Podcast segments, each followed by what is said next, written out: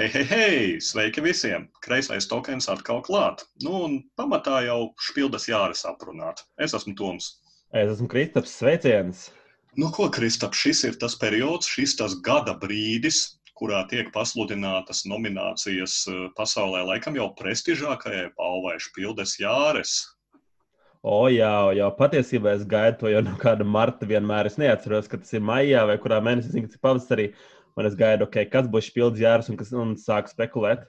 Es jūtu, ka tev šī balva ir diezgan pie sirds. Es tais, taisījos prasīt, vai, vai, vai tev vispār kāda ir tava doma, vai, vai tas ir sakarīga balva, un, un, un, un, un cik tā ir vajadzīga, un vai tev pašam tās spēles patīk. Manuprāt, šī ir, uh, labi, ne tikai manuprāt, bet visiem skaidrs, ka šī ir prestižākā galda spēļu balva industrijā šobrīd kāda ir. Uh, Un tam arī ļoti daudz nosaka, kus, kuros ko industrija ies tālāk. Vienkārši atšķirībā no tā, kas uzvarēs, kas piedalās un tā tālāk. Ja uzvar Rolands Raits, ļoti daudz taisa Rolands Raits spēles, uzvarēja Exits, pasauga izlaušanās tipu spēles nenormāli daudz. Un, jā, šī ir svarīgākā balva, kas ir. Un, neskatoties, vai tev patīk vai nepatīk nominācijas, tā ir lieta, par ko ir jārunā un jāsako līdzi. Nu, īpaši mums, jo mēs esam nereāli nopietni influenceri. Ja, ja visi podkāsteri un blogeri runā par šo, mēs nevaram nerunāt. Ne? Nu, tieši tā, mēs drīzāk saīsināsim kaut ko citu, bet šito izrunāsim. Tieši nu, jā, eh, tad to es, es saprotu piekritējis šai balvai un, un, un, un arī viņu piegājieniem. Zin, man, man patīk balva. Man, man, gan ir tas, kas man galvenā balva, man ir Kenēša pilsēta. Galvenā mm -hmm, balva. Mm -hmm. pilsētas jārds man ir sajūta tāda vairākos gados. Principā King Domino, kad uzvarēja, viņš parādīja, ka var uzvarēt visādas figūras. Un tā, kad Mainz tika nominēts, es sapratu, ka, lai nominētu, tam nav jābūt spēlē. Mainz tika nominēts The Game. The Game bija tas, kas to sāka. Un jā, The Game jā, jā, ir tas, jā. ko nevar pat atrast board game kā normāli. Tas man arī fascinē. Jo, ja tu sāc rakstīt game, nonsense, nu, jā, jā. Nē, bet nu, patiesībā es šodien, arī ne tikai šodien, diezgan daudz esmu domājis nopietni par špildes jāris, un ir populāri viņus kritizēt. Ja? Nu, ka tur ir vienmēr vācu spēles mm. savāstas, un, un, un nav skaidrs pēc kādiem kritērijiem un tā, bet patiesībā tas, ko es domāju, ka šī vācu vide, Špildes Jāres balva tiek pasniegta jau kopš 1979. gada, jā, kad šī brīža galda spēļu virzītājs spēkā Amerikā ar ļoti retiem uzņēm, izņēmumiem vēl turpmākos desmit gadus spēlēja tikai dažādas monopola variantus un kara spēles. Jā. Tajā mm. laikā jau vācu vidē iznāca tas pats Skotlandjārds, kā ļoti zināms, ja Heron Tortoise joprojām spēlējams. Nu, daudzi vecie špildes jāres ieguvēji, viņi joprojām ir ejoši. Jā. Viņi ir labas spēles. Tieši tā. Un uh, es teiktu, ka Špildes Jāres Iespējams, ka mēs līdz galam nesaprotam tā nozīmi, nesot šajā te vācu vidē, jo mēs nezinām, kas tur notiek. Piemēram, šogad arī, nu, mēs vēl mēs pieiesim arī konkrēti pie nominācijām, ja, mm -hmm. bet eh, šogad, ja parādās Nova Luna, Uve, Uves Rozenberga spēle, kuru neviens tā īsti nezina, mēs nezinām, iespējams, ka Vācijā viņa jau gadu tiek tirgota, ir pārdota 100 tūkstoši eksemplāru, un visiem patīk, ja, bet, bet eh, tāda, tajā šajā te anglocentriskajā vai drīzāk amerikocentriskajā informācijas vidē, eh, mēs, mēs eh, saņemam to, ka wow, kaut kas pilnīgi negaidīts, kur kaut kas tāds ir izvilkts. Nu, un, un, un, un, protams, arī runājot par šiem vācu dizaineriem, eh, ka tur vienmēr ir Knicija, Rozenbergs, Felds un tā tālāk. Ja? Nu, nav jābrīnās, ka viņi atbalsta savus autorus un savus izdevējus. Ja? Mēs esam relatīvi mazā hobijā, un, un tā industrija ir maziņa, visiem vienam otru ir jāatbalsta, bet tāpat ir arī konkurence. Un loģiski, ka nominē savējos. Ja Latvijā taisītu, nezinu, kādu galdu spēļu balvu, tad es pilnīgi nebūtu pret, ka tur ir uh, Braingames oriģināla izdevums vai, vai, vai kāds Latvijas autors. Ja? Es pat drīzāk būtu pret, ja tur netiktu iekļauts kaut kas mm -hmm. tāds. Ja? Tas ir pilnīgi loģiski. Nu, un šoreiz arī nu, tas, ka tur Knicija uh, Leonardo DiCaprio of board games, ja? vienu reizi viņš ir dabūjis tikai špildas jāri, bet kandidē viņš vienmēr. Ja? Nu, šogad atkal viņam būs iespēja. Tā ka jā, nu, tā galvenā mana doma, ka lai ko viņi darītu, viņi noteikti to dara pirmkārt un galvenokārt sev un vācu publikai. Tas, ka visa šī balva ir tik populāra pasaulē, ja, tas tā ir mūsu problēma. Viņi spēlē uz savējiem. Tev papildinot, man liekas, tas pildījās lielākais spēks ir nomināciju skaitā, jo pa lielam mūsu auditorijai ir divas nominācijas tautas spēles un gamer spēles. Jā. Tā pašā laikā viss, kas ir kritizējuši pildas jārs, tas pats Daistover tops un lielie konvencija top un tā tālāk. Viņi uzstājas 20 pats nominācijas, kur cilvēki vairs nespēja norientēties. Mm -hmm, mm -hmm. Un jo to vairāk ir nominācijas, jo to katras tās bija tas balss vērtība krietni mazāk. Nu, tas trīs un viss. Tas jā, bet redzi, arī tas it kā nominācijas ir, bet tajā pašā laikā labo spēļu paliek tik daudz vairāk, ka viņas visas iebāzt uh, šajās nominācijās, un tad vēl pie tam mm. parādās tādas, ko neviens nezina. Nu, vai arī zina tieši vācu publika, ja, bet mēs nezinām, vai viņi to zina pat. Ja, kad uzrodas, katru gadu uzrodas kaut kas, tā kā uzrādās pirms Mainda, jau uzrādās The Game, ne no kurienes, ja, nu par Maindu tad jau neviens vairs pēc tam nebrīnījās, ja, un, un, un pagājušo gadu uzrādās Knicijas Lama, mm. kuru, protams, visi varēja apsmiet, bet no otras puses, jā, nu, varbūt, ka tiešām Vācijā lama gada laikā bija pārdota 50 tūkstoši kopijas, ja tāpēc viņi nonāca špildes jāres. Mēs to nezinām. Par to neviens nerunās. Par to nerunās Toms Vaselis un par to nerakstīs Boardgame Geekā. Tā ir viņu industrija, un, un, un, un, un viņi tos datus var analizēt un noteikt, cik tā spēle ir populāra vai laba, lai dabūtu balvu.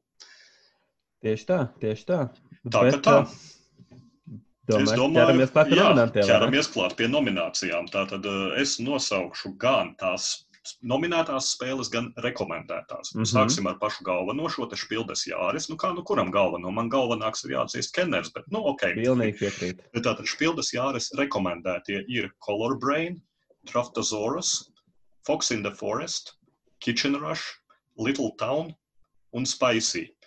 Nu, no šiem man patiesībā Kristap diezgan lielu arī šo te apstiprina to, ko es teicu, ka Vācijā šis tirgus ir savādāks. Fox in the Forest, man liekas, ir divi gadi veca spēle. Jā, tieši tā. Es arī pirmais, kas ieraudzīju šo spēli listē, Es domāju, wow, pagaidi, pagaidi, paga, no kura nu, gada man jau ir. Visdrīzāk viņa ir izdota vāciski pagājušajā gadā. Mm. Tur arī ir tā problēma, jo tas ir Renegade Games, tie ir laikam Renegade Games, vai ne?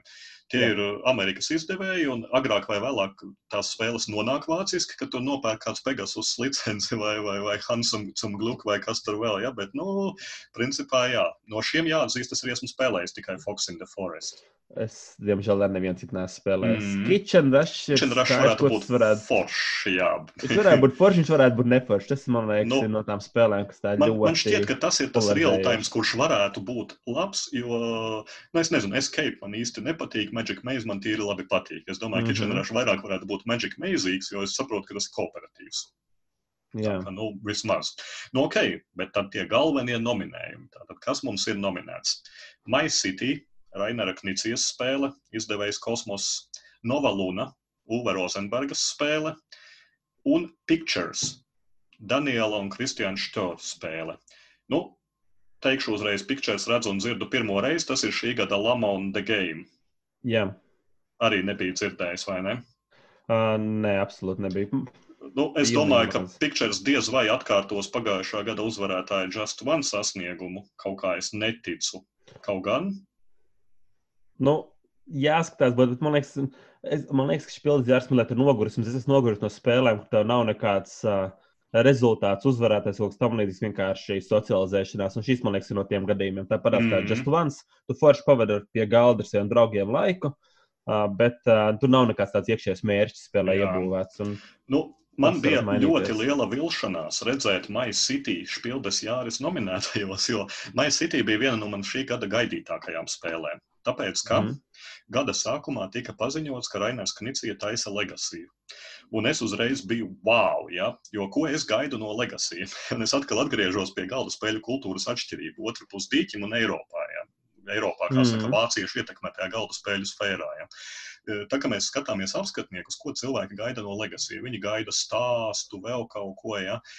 Es no Legasija negaidu to, ka, ja es nezinu, nesaminu drakona olu, tad drakons nokodīs man galvu, ja, vai vēl kaut kas. Es no Legasija patiesībā gaidītu nopietnu ekonomisku Legasija spēli. Ja. Un kurš cits to varētu izveidot, ja ne rudīts dizainers, veterāns, matemātikas doktors, kas ir Knicija. Ja? Un, un, un eh, es, es tiešām gribu legasiju, kura būtu, nezinu, suburbija un Charterstone apvienojums, eh, kur, ja es pirmajā gadā uzbūvēju daudz rūpnīcas, tad trešajā gadā man būs problēmas ar piesārņojumu. Ja es neuzbūvēšu bankas, tad man būs jāsāk ar mazāku naudu kā citiem spēlētājiem. Tāda tipa legasija. Un tāpēc es biju ļoti, kā saka, gaidīju šo momentu moment un excited par to, ka Knicija taisa Legacy My City par pilsētu būvniecību. Līdz tam brīdim, kad es ieraudzīju, ka viņš ir pildījis jāsaka nomināciju, un tad es sapratu, ka iespējams, ka būs pavisam ne tas, ko es gaidu. Jo, ja tas nu, ir nonācis špildes jārē, nu tad jā. Nu, man nav sajūta, ka Knicija, ka viņas būvē tāds ļoti imersīvs spēles, kur to pamatīgi jādarbojas. Un... Mm. Ļoti daudz kustīgi. Viņš būvēja vairāk tādas super elegantās spēles. Tas, ko es zinu par My City, man tāds baigās bažas ir. Jo tā, cik es paskatījos, un policijas riņķī apkārt, ka nu, piemēram, pieredzīšiem spēlētājiem tiek ieteikts jau sākt no kādas desmitās kampaņas, no nu, kampaņas desmitās misijas un tā tālāk. Jā. Tas nozīmē, ka viņš tur pieaug par kādiem maziem, maziem punktiņiem, un viņš varētu būt nu, līdzīgi gameriem baismīgi Jā, jā, viņš būt tāds baismīgi primitīvs. Jā, un, un, un, un arī tas legacy, es saprotu, ka tur ir tikai legacy elementi. Respektīvi, mm. nekas netiek tiešām mainīts. Tas ir drīzāk tā kā Fabled Fruit, ko es neesmu spēlējis no Friedmana Frīzes. Ja, tur arī ir tā, ka tev audzē vienkārši klāt noteikumus, noteikumus, bišķiņu noteikumus. Bet, nu, visdrīzāk, ka šeit, ja tas ir nonācis pildes jārē, tad tie noteikumi mm. nāk ļoti maz klāt. Jā. Tā ka, nu, jā, MyCity aprunājām, picture aprunājām, vai tu kaut jā. ko zini par Novu Lunu? Principā es zinu, ka Nova Lunā ir ļoti aktīvi izmantots viena no manām top spēlēm, Patchwork Mechanika. Ar to, ka tev ir neregulārs spēlētāju gājienu secība. Un, principā, tas, ko dari, tu riņķo mēnesiņš, un tu pamēģini, tavs mērķis ir atrast nopirkt pareizos lauciņus, lai dabūtu no savas žetoniņus, ne, bet tāds gaismas struntiņus, akmentiņus dabūtu uz laukumu, un pirmais, kas dabū ārā, izliek. Man likās interesants Rozerbergs spēle. Viņš ir atkal kā parasts Rozenbergs paņēmis kādu savu mehāniku. Nu, drillē, kā drillē par riņķi, vai ne? Tetri, jā. Mm. jā, jā, nu šeit gan no tetras, vai ne, te ir bišķi cita, cita mehānika, ko viņš gribēja tālāk izpētīt. Un, ja godīgi no šīm trijām spēlēm, ja man būtu jāiet veikalā, ar nopirkt vienu, es ņemtu Novalunu. Nu, es laikam tomēr turpinātu cerēt uz MyCity, ja, ja būtu jāpērk. Jā. Bet no otras puses, visdrīzāk, ka jā, Nova Luna varētu būt tāds azulveidīgais, uh, nu, vienkārši ar mm. pišķiņu savādāk, bet izskata ziņā labs un, un, un, un dizaineris zināms. Un, un jā. tas, uz ko es liktu laikam visdrīzāk man... naudu, ja būtu jāliek, kurš vinnēs. Es arī balsoju par Nova Lunu, bet tas, kas man tā biedē mehānismu jomā, ir tāds, ka nu, tu liec tos struntiņus uz galda savējos un atklāji, atklāji. Lai gan tur mainās mazliet tas uh, uh, secība, kāds ir, tas puzles vienmēr paliek vairāk vai mazāk viens un tas pats. Un tas tāds uh, grūti novērtējums pirms izspēlēšanas, bet jā, noteikti šaujot.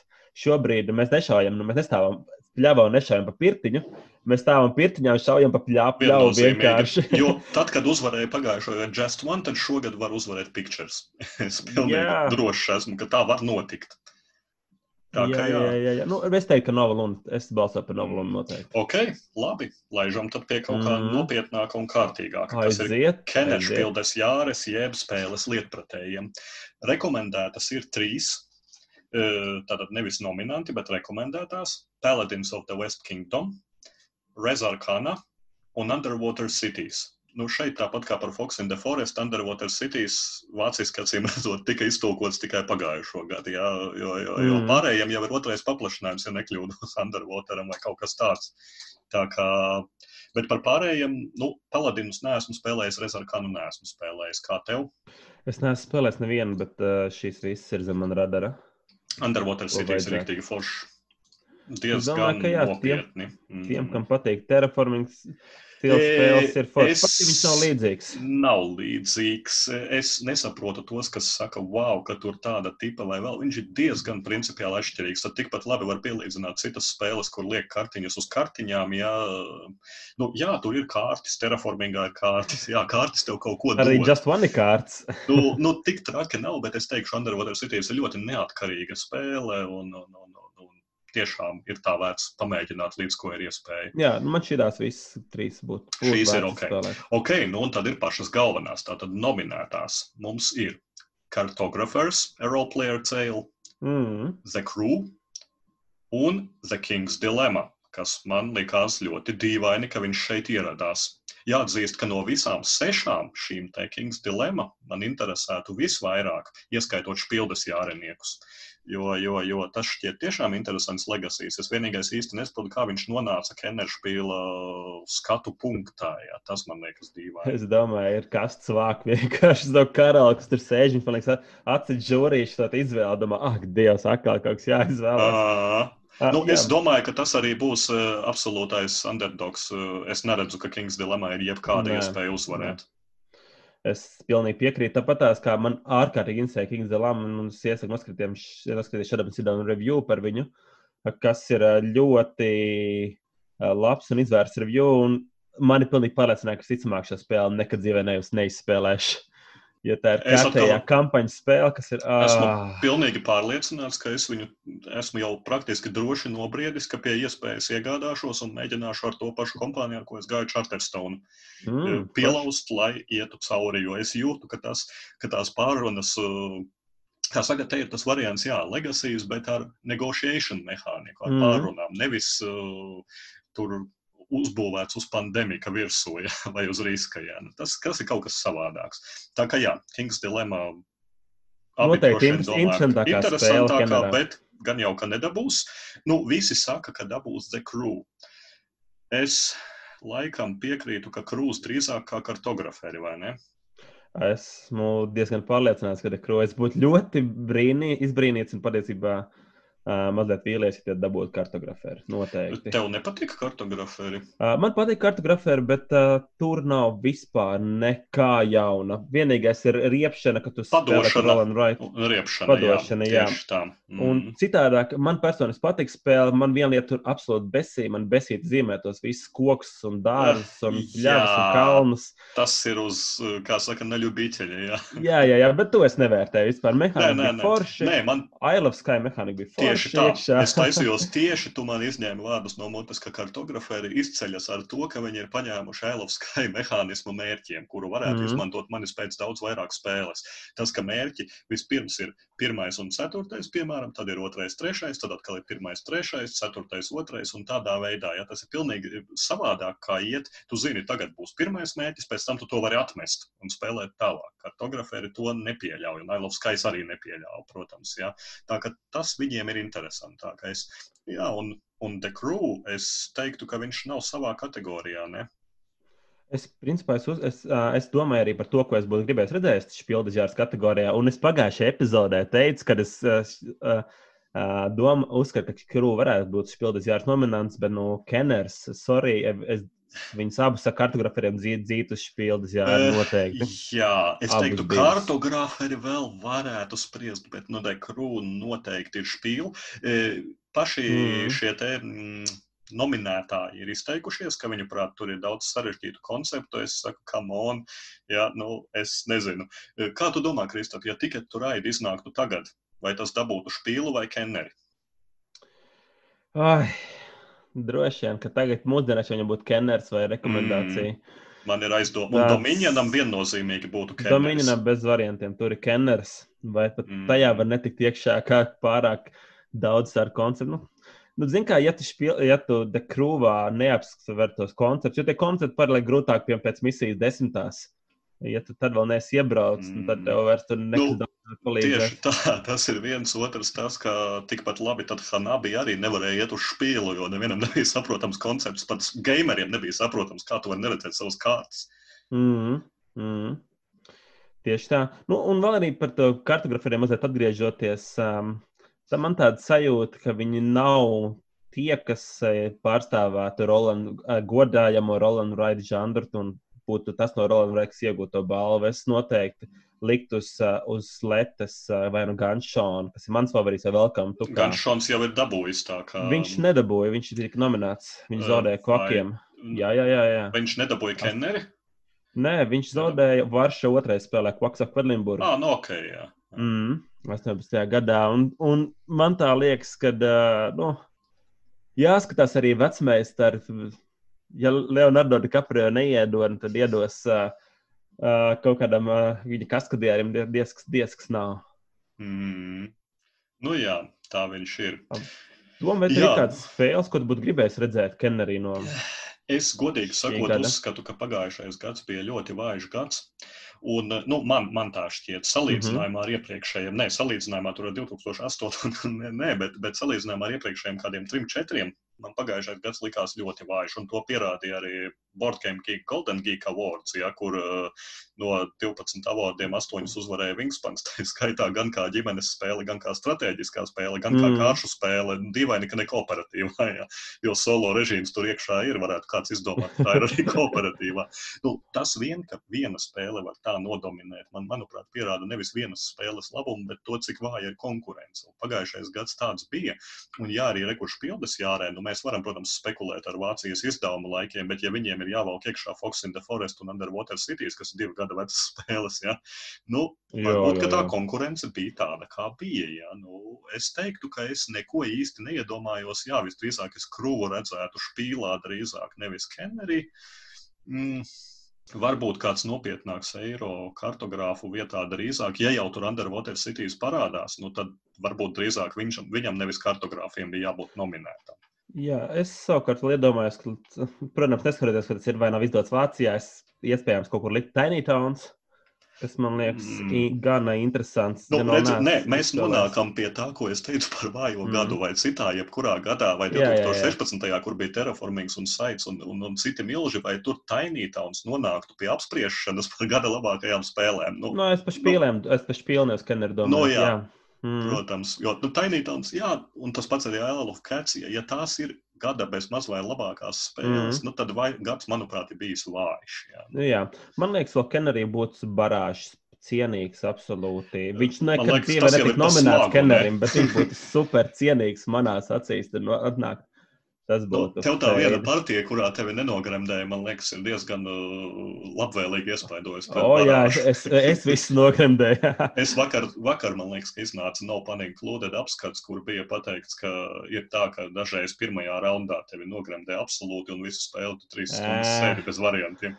Muļķības vienmēr var atrast jaunu strautiņu, ko zem uh, nodīt ūdeni. Jā, un vēl man mm. likās, ka ir interesanti varētu padomāt In the Hall of the Mountain King. Tas arī bija tīri fēns. Jā, nu to es neesmu spēlējis, bet tas bija Kickstarter. Kickstarteris un netik populārs, man liekas, jo Kickstarterī es teiktu, ka špīlā, nu, nav, nav, nav, nav, nav, viņi nav. ņem savus izdevējus, jā. Nu jā, bet runājot par izdevējiem un, un, un reitingiem, jā, es te savācu bišķiņ interesantus faktus, tātad Board Game Geekā jau pirmajā nedēļā. My City pakāpās 1230 vietas uz augšu. Jā, nu viņš bija zem. Nova Luna pakāpās 161 vietu.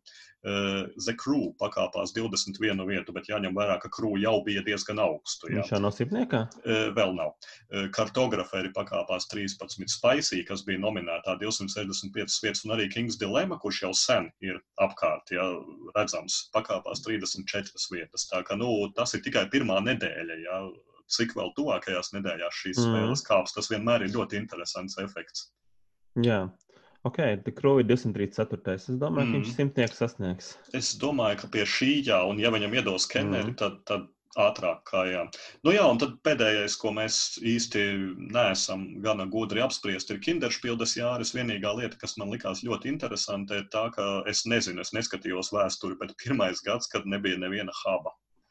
Uh, oh. Jo haba spēles ir absolūts pamatu pamats bērnu spēlēm. Ja dzeltenās kastes, viņas ir visur, viņas parasti viņas arī uzvar kinderšpīlu. Un šoreiz viena haba laikam bija rekomendēta, yeah. bet, bet, bet īsti nominantos nebija. Ja. Nu, interesanti, jā, tāds, tāds, tāds fakts. Tā kā tā, labi. Es domāju, ka mēs esam izķidājuši krustu šķērsus savus viedokļus par Jā, likmes, jā, likmes ir uzliktas. Likmes ir uzliktas. Absolūti skumīgi, ka viņas ir vienādas. nu, tik traki nav. Jā. Nu, kā būs, tā būs. Viņi var mūs pārsteigt. Just once mm -hmm. viennozīmīgi, ja uzvarēja, tad picture var pēkšņi izpeldēt. Tā jā. kā tā. Nu, labi, es domāju, ka mēs varam ķerties pie mūsu standarta, kas ir svaigs un gards. Aiziet. Un mēs esam ļoti labi jau ierunājuši uz priekšu, un, un, un es varēšu pastāstīt par savu svaigu un gardu. Un tas ir kaut kas, ko jūs vispār neviens nekad neesat dzirdējuši. Tas ir spēle The Crew. Uh, kas tā par spēli? Jā, tieši tā. Tā ir tā spēle, kuru uzmanīgi, ļoti uzmanīgi klausītāji, kuriem uh, nav absolūts atmiņas sudums. Atceros, ka Kristapam bija svaiga pagājušajā nedēļā, ne, bet pagājušajā mēnesī. Un, un, un man nācās tomēr piedāvāt arī kādu alternatīvu skatījumu, jo es pilnībā pieņemu un saprotu tos, kuri teiks, ka Kristapa stāstītājiem nav nekāda nozīme, un viņi gaida tikai, ko es teikšu. Ja, un, un, un tāpēc man bija jāķeras klāt un jāspēlē. Jā, jā visas trīs. Nu, lūk, un uh, izspēlējām uh, desmit uh, misijas, izgājām. Vienā vakarā uh, ar mm -hmm. 16 reizēm. Tā kā tie, kas iegādāsies dekrū vai ir spēlējuši dekrū, var rakstīt komentāros, vai jums izdosies labāk vai nē.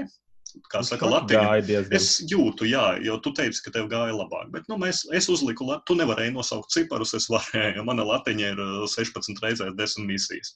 Mm -hmm. Un eh, patiesībā smejamies vai nesmējamies, bet pie svaiga un garda šis šonadēļ ir diezgan aktuāli, tāpēc, ka Brain Games ir sākuši ļoti aktīvu zekrū akciju, ja, reklamējot sociālajos tīklos, piedāvājot lielisku iepazīšanās cenu, ja, un, un, un kā saka, lai zilonis nesēž istabā un vēl kaut ko, es uzreiz varu pateikt, ka, lai, lai ko es teiktu, vai Kristaps teiktu par šo spēli, es domāju, ka viennozīmīgi, gan atbalstot vietējo ražotāju, gan par to cenu, ja ir iespēja un, un kaut pišķiņa gribēšana, krūti droši var nopirkt un savu viņš atpelnīs. Jo tā iepazīšanās cena tiešām ir ļoti e, simpātiska, un es domāju, ka tur katram, katram būtu krūs jānopērk un kaut vai tīri, lai izmēģinātu, jo tā būs viena no karstākajām spēlēm šai gadā, par ko visi runās. Jā. Cik jūs bijat spēlētāji? Mēs bijām četri. Aha, Mēs spēlējām četratā tieši tā kā vajag, jā, un e, jāatzīst, viss bija ļoti forši, krūvam ir viena problēma, un tā problēma nav viņš pats nekādā veidā, un tā problēma ir e, zole kas eh, man vienmēr ir bijis ar šīm stiķu ņemšanas, jeb trick-taking spēlēm, kuras pasaulē ir diezgan nopietni populāras, ja, bet cik es viņas mēģinu, es bieži vien domāju, klau, bet es varbūt labāk spēlēju pat duraku, ja, nu vai cūkas, kā citi viņu sauc, ja, nerunājot par to, ka var spēlēt zoli, kas man liekas ir zi ultimate, nu tā kā absolūti labākā stiķu ņemšanas spēle, ko es esmu sastapis, lai kādas es būtu spēlējis. Ja. Tieši spēlē uz naudu. Nē, nē, nē, nav vajadzības. Es nu, teiktu, punktiem. Tas, uz punktiem, nē, protams, uz punktiem tas savādāk mm. jau nevar būt. Nu, jā, un, un, un man liekas, ka tā ir tā problēma, ka ārzemnieki viņiem nekā tāda nav. Viņi joprojām mēģina atrast to perfekto stiķu ņemšanas spēli. Ja? Un krū visiem patīk tāpēc, ka viņš jau ir diezgan tuvu zolē, bet nu, tādai kooperatīvai. Ja? Un es teiktu, krū ir tuvāk zoles versijai, kas ir mazā zole, kuru turnīros tas nav oficiālajos noteikumos, bet zoles noteikumu versija tā ir kā variants. Ja tā tad spēlēt mazo zoli vai arī spēlēt ar galdu, kad visi palaiž garām, tas ir krū. Ka pamatā tu esi ieinteresēts nepaņemt, nepaņemt, nepaņemt stiķi un tad vienā brīdī paņemt. Un tu gribi, lai to izdara arī citi spēlētāji respektīvi nepaņemt, nepaņemt, nepaņemt, paņemt. Bet kas ir rīktīgi forši krūvā, ka tāpat kā zolē ir tas, ka tev ir jāuztver tas moments, kurā brīdī tu vari pārņemt iniciatīvu un vai vajag, vai tu, Kristap, to jūti spēlējot, ka tieši ir vajadzīga brīžiem šī iniciatīvas pārņemšana. Piemēram, jā, viens jā. iet, visi atmetas, viens iet, visi atmetas, un tad tu jūti, ej, nē, nu nevar viņam ļaut iet, mēs tūlīt zaudēsim, viņš turpinās iet. Viennozīmīgi tas ir tas, kas ir no tās spēles lielākais plus, ka spēlētājiem ir jākontrolē tā plūsma. Bez, bez, bez šī mm. saziņas, jā, tas arī ir svarīgi. Nu, jo, protams, ka vienīgais uh, mums, uh, lai sazinātos, ir uh, šie te tokeni. Jej! Atkal ir, mums atkal ir kristāla tokens, kurš ieripoja kreisā tokena kraikasītē. Zinātāji zina, nezinātājiem skaidrojam, ka ja svaiga un garda segmentā mums ir spēle, kurā ir tokeni un mēs viņus kaut kādā veidā pieminam, tādi iekrīt klakš kaut kas kraikasītē, ko gada beigās izcels mūsu aktīvākais sociālo tīklu sekotājs. Tā kā jā, nu, runājot par šiem te tokeniem, tas ir vienīgais veids, kā var komunicēt, un, un, un tas ir forši. Bet vai ar to pietiek, lai spēle būtu tiešām laba, un vai ar to pietiek, lai es pateiktu, ka es labprātāk spēlēju krūmu, nevis zoli? Nu, nē, Nē, tomēr es teiktu, ka latviešiem ir tā milzīgā priekšrocība, ka mums ir šobrīd pasaulē labākā stiķu ņemšanas spēle, pieejama spēlējama ar parasto kāršu deku. Ja? Un, un, un, un, un ar saviem mīnusiem, varbūt ne perfekta, bet noteikti labāka par krūmu. Bet uh, tiem, kas negrib iesaistīties uh, azartspēlēs, jo krūs, protams, nav nekādā veidā azartspēles, vai ne? Un galda spēles arī necik, un, un, un, un hobijs nav neizmaksājoši neko. Ja? No, nu, no, ne, viss, ne, negalīgi nav tieši tā. Nu, tiem es teiktu joprojām, uh, un arī visiem pārējiem, kas uzskata sevi par cik kaut cik par galda spēļu zinātājiem, un mūsu klausītājiem tādiem būtu jābūt visiem. Uh, dodieties, nopērciet krūvu, pārbaudiet paši. Kā tev šķiet, ka varētu uzskats mainīties uh, 34. misijā? Es ceru, ka Krūs piedāvās kaut ko vairāk, bet redzot, kā attīstās līdz desmitajai, man izskatās, ka nekā vairāk tur nebūs. Jo šobrīd ir tā, paņem vienu stiķi, paņem divus stiķus, paņem mm. pirmo un otro noteiktā secībā, paņem trīs, paņem pirmo, otro, trešo noteiktā secībā. Es vienkārši redzu, ka, man, manuprāt, tas viss tikai augs, augs, augs, augs, augs uz priekšu. Jā. Kā tev liekas, pa kampaņu izspēlēs vai neizspēlēs? Es ceru, ka jā, es gribētu noteikti, jo es saku, tas ir viegli, tas ir ātri un, un, un, un, un mm. uz priekšu noteikti, ka ies. Jautājums būs par pārējiem, kuri nebija īpaši lielā sajūsmā, bet nu, o, es noteikti būs... teikšu, ka jāmēģina. Tas būs izaicinājums kampaņā. Nu, lūk, es arī spēlēju pagājušā mēnesī. Bija daudz spēļu, spēlēju. Viens no tām, kas man ir bijis spilgtākās, labākā pieredze, ir viens no Kenneša spēlēm, kas ir milzīgs smags par, manuprāt, viena no labākajām uh, uh, Kedarspils spēlēm, kas ir jebkad bijusi un uzvarējusi. Un tā ir spēle Istanbul. Tā ir spēle par tur, tirgošanos Turcijas galvaspilsētā, Grandbazārā. Katrs spēlētājs vada savu darbinieku brigādi, kas ir viens šefs un pāris asistenti.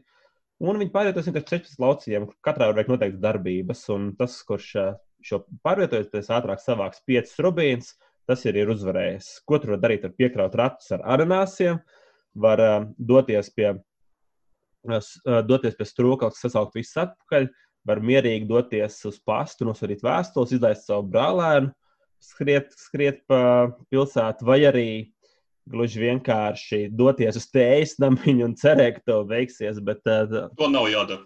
Spoilers tev nekad neveiksies. nekad neveiksies. Tas ir slikti. Visiem citiem veiksmēs izņemot tev, vai ne? Mm. Uh, nu, lūk.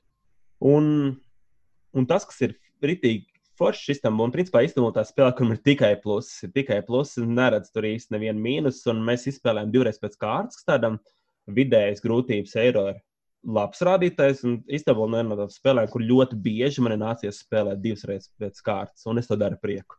Un tie plusi ir tādi, ka nu, pirmais pluss ir tāds, ka katru reizi, kad viņi spēlē, tas 16 lauciņi tiek nejauši samaisīti, un katru reizi izskatās citādāk un veidojas tāds jauns spēles puzles. Uh, un skaties, ko darīs šoreiz, ko darīs citādāk. Un tu jau no paša sākuma vari domāt, ok, es eju tur, es eju sanākt ananās, uzlaboju savu tačku, un tā tālāk, tā projām, un beigās dabūnu vairāk. Un tas ceļš, kā dabūt vairāk punktus, bet, ja tev kāds šmurgulis ielien tavā ceļā, tev nāks ļoti ātri pārmainīt to savu stratēģiju. Vai maksāt? Vai arī maksāt, ja tu esi bagāts, bet uh, nu, tas jārēķina, kurā brīdī tev ir izdevīgāk pārrēķināt stratēģiju vai maksāt. Otrs pluss spēle ir relatīvi viegli iemācīt tu izstāsti, ko dara 16 lauciņi, no kuriem daži ļoti līdzīgi. Principā tev jāmāk 10 lauciņu. Spēle cilvēku mācās. Un spēle regulāri var izspēlēt apmēram 60 minūtēs, pat 4 vai 5 spēlētāji. Plus mīnus varbūt bišķi vairāk uz 80 var aiziet 5 spēlētājiem. Un visu laiku tiek pieņemti lēmumi, jēdzīgi, ātri, gājieni ir zibenīgi. Un tā dinamika ir milzīga. Un tev sajūta, ka, ok, es Um, Tomam ir jau trešais rubīns, man ir jāsarauj un tā tālāk, bet tu vari saraut un ļoti bieži pēdējos divos apļos tikai skaidrs, kas tas uzvarētājs. Un, jā, un, lai gan spēlē tāda interakcija, ir tāda pasīvā stilā, ka nu, okay, mēs tikai ejam savus maršrutus, bet uh, ir gadījumi, kad ir svarīgi un tu vari uh, mēģināt sakūrīt visus pārējos biedrus, ka viņam jāiet tieši uz lielo tirgu, jāstāv, lai uh, Andris nevar nopirkt to, kas viņam vajadzīgs. Un, nu, katra izvēle ir svarīga. Uh, Tā kā noteikti, noteikti Istanbul, tas, ko es iesaku, viņš pilda žārs gadā uzvarēja Konkordiju un Rokoko. Uh, lai gan Konkordijas fans, es esmu, domāju, ka šī uzvara ir pelnīta no šīm uh, trim spēlēm. Istanbul ir viselegantākā un piemērotākā. Un, jā, uh, noteikti, noteikti iesaku visiem. Es gan uh, taisnība, labi, neesmu spēlējis divi tā, man nav interesi spēlēt divi tā. Bet tas bija viens no maniem vairāk, jautājumiem. Uh, bet, um, tas kas ir ļoti interesants šajā spēlē, ir tas, ka uh, es izspēlēju 5 divas reizes, un joprojām lietas liekas svaigi. Un Istanbulē ir big, big box expansion un tā tālāk. Joprojām, un Šī ir tā spēle, kur man absolūti negribās likt expansion nekādu. Viņa man ir super eleganta. Ideāli. Viņa ir super eleganta un ā, nu, nav vajadzīgs tur expansions. Man bail, ka ja kurš expansion vienkārši samaitās. Un... Bet tā ir ar daudzām spēlēm. Mm. Man, piemēram, jā. šādā ziņā I Love Sky Journey man pilnīgi neprasās pat mēģināt paskatoties, ko viņš ar I Love Sky izdarīja. Un, un, un, un Kristīnai nepārāk patīk arī druīdu paplašinājums, kurš mums arī ir. Jā. Mm. Journey man mēs pat neesam mēģinājuši.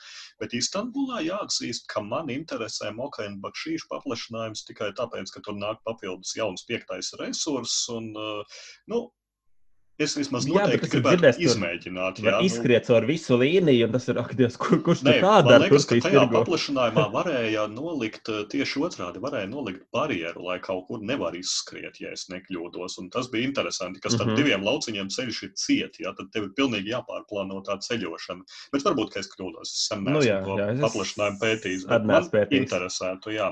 Runājot par spēlēšanu divatā, mēs viņu daudz esam spēlējuši, divatā ir viss ļoti ok, jā jo, jo tie divi dummy playeri, ja, nu, kuri staigā vienkārši un tu viņiem maksā, ja tu gribēji pie viņa. Es teiktu, tas ir savā ziņā vieglāk, jo samaksāt galdam nav tā kā samaksāt citam spēlētājam. Ja. Nu, tā tad, ja tu satiec mm. dummy playeri uz kartes, tad tev tu, tu, tu daudz labprātīgāk to dari nevis, nevis īstajā spēlē, ejot pie kāda cita un atdodot dzīvu naudu. Jā. Bet viena lieta, ko jā, es tev, Kristap, galīgi nepiekrītu par to, ka šī interakcija nav interakcija, ir, bet nevis tieši šajā lauciņu aizņemšanā un naudas maksāšanā, bet, manuprāt, Istanbulas pati galvenā interakcija ir tas, ka tu plāno, tu savāc visus resursus, tu esi gatavs iet viņus nodot, un kāds cits aiziet un nodot pirmais un cena paliek dārgāka.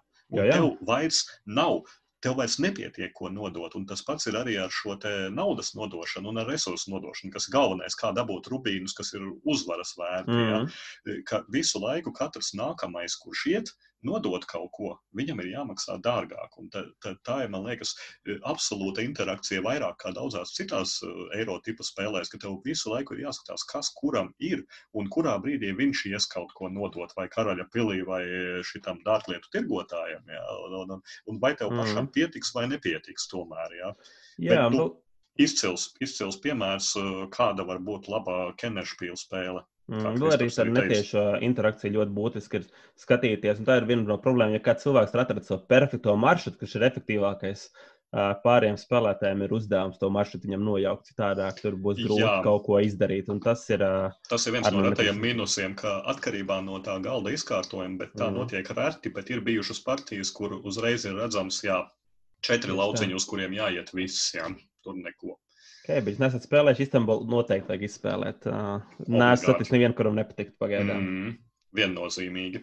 Nu, labi, bet runājot par kaut ko, kas nepatīk, mums ir nākamais segments, kurš saucas plauktā vai krāsnī, un es jau otro reizi salīdzināšu uh. divas spēles. Jā.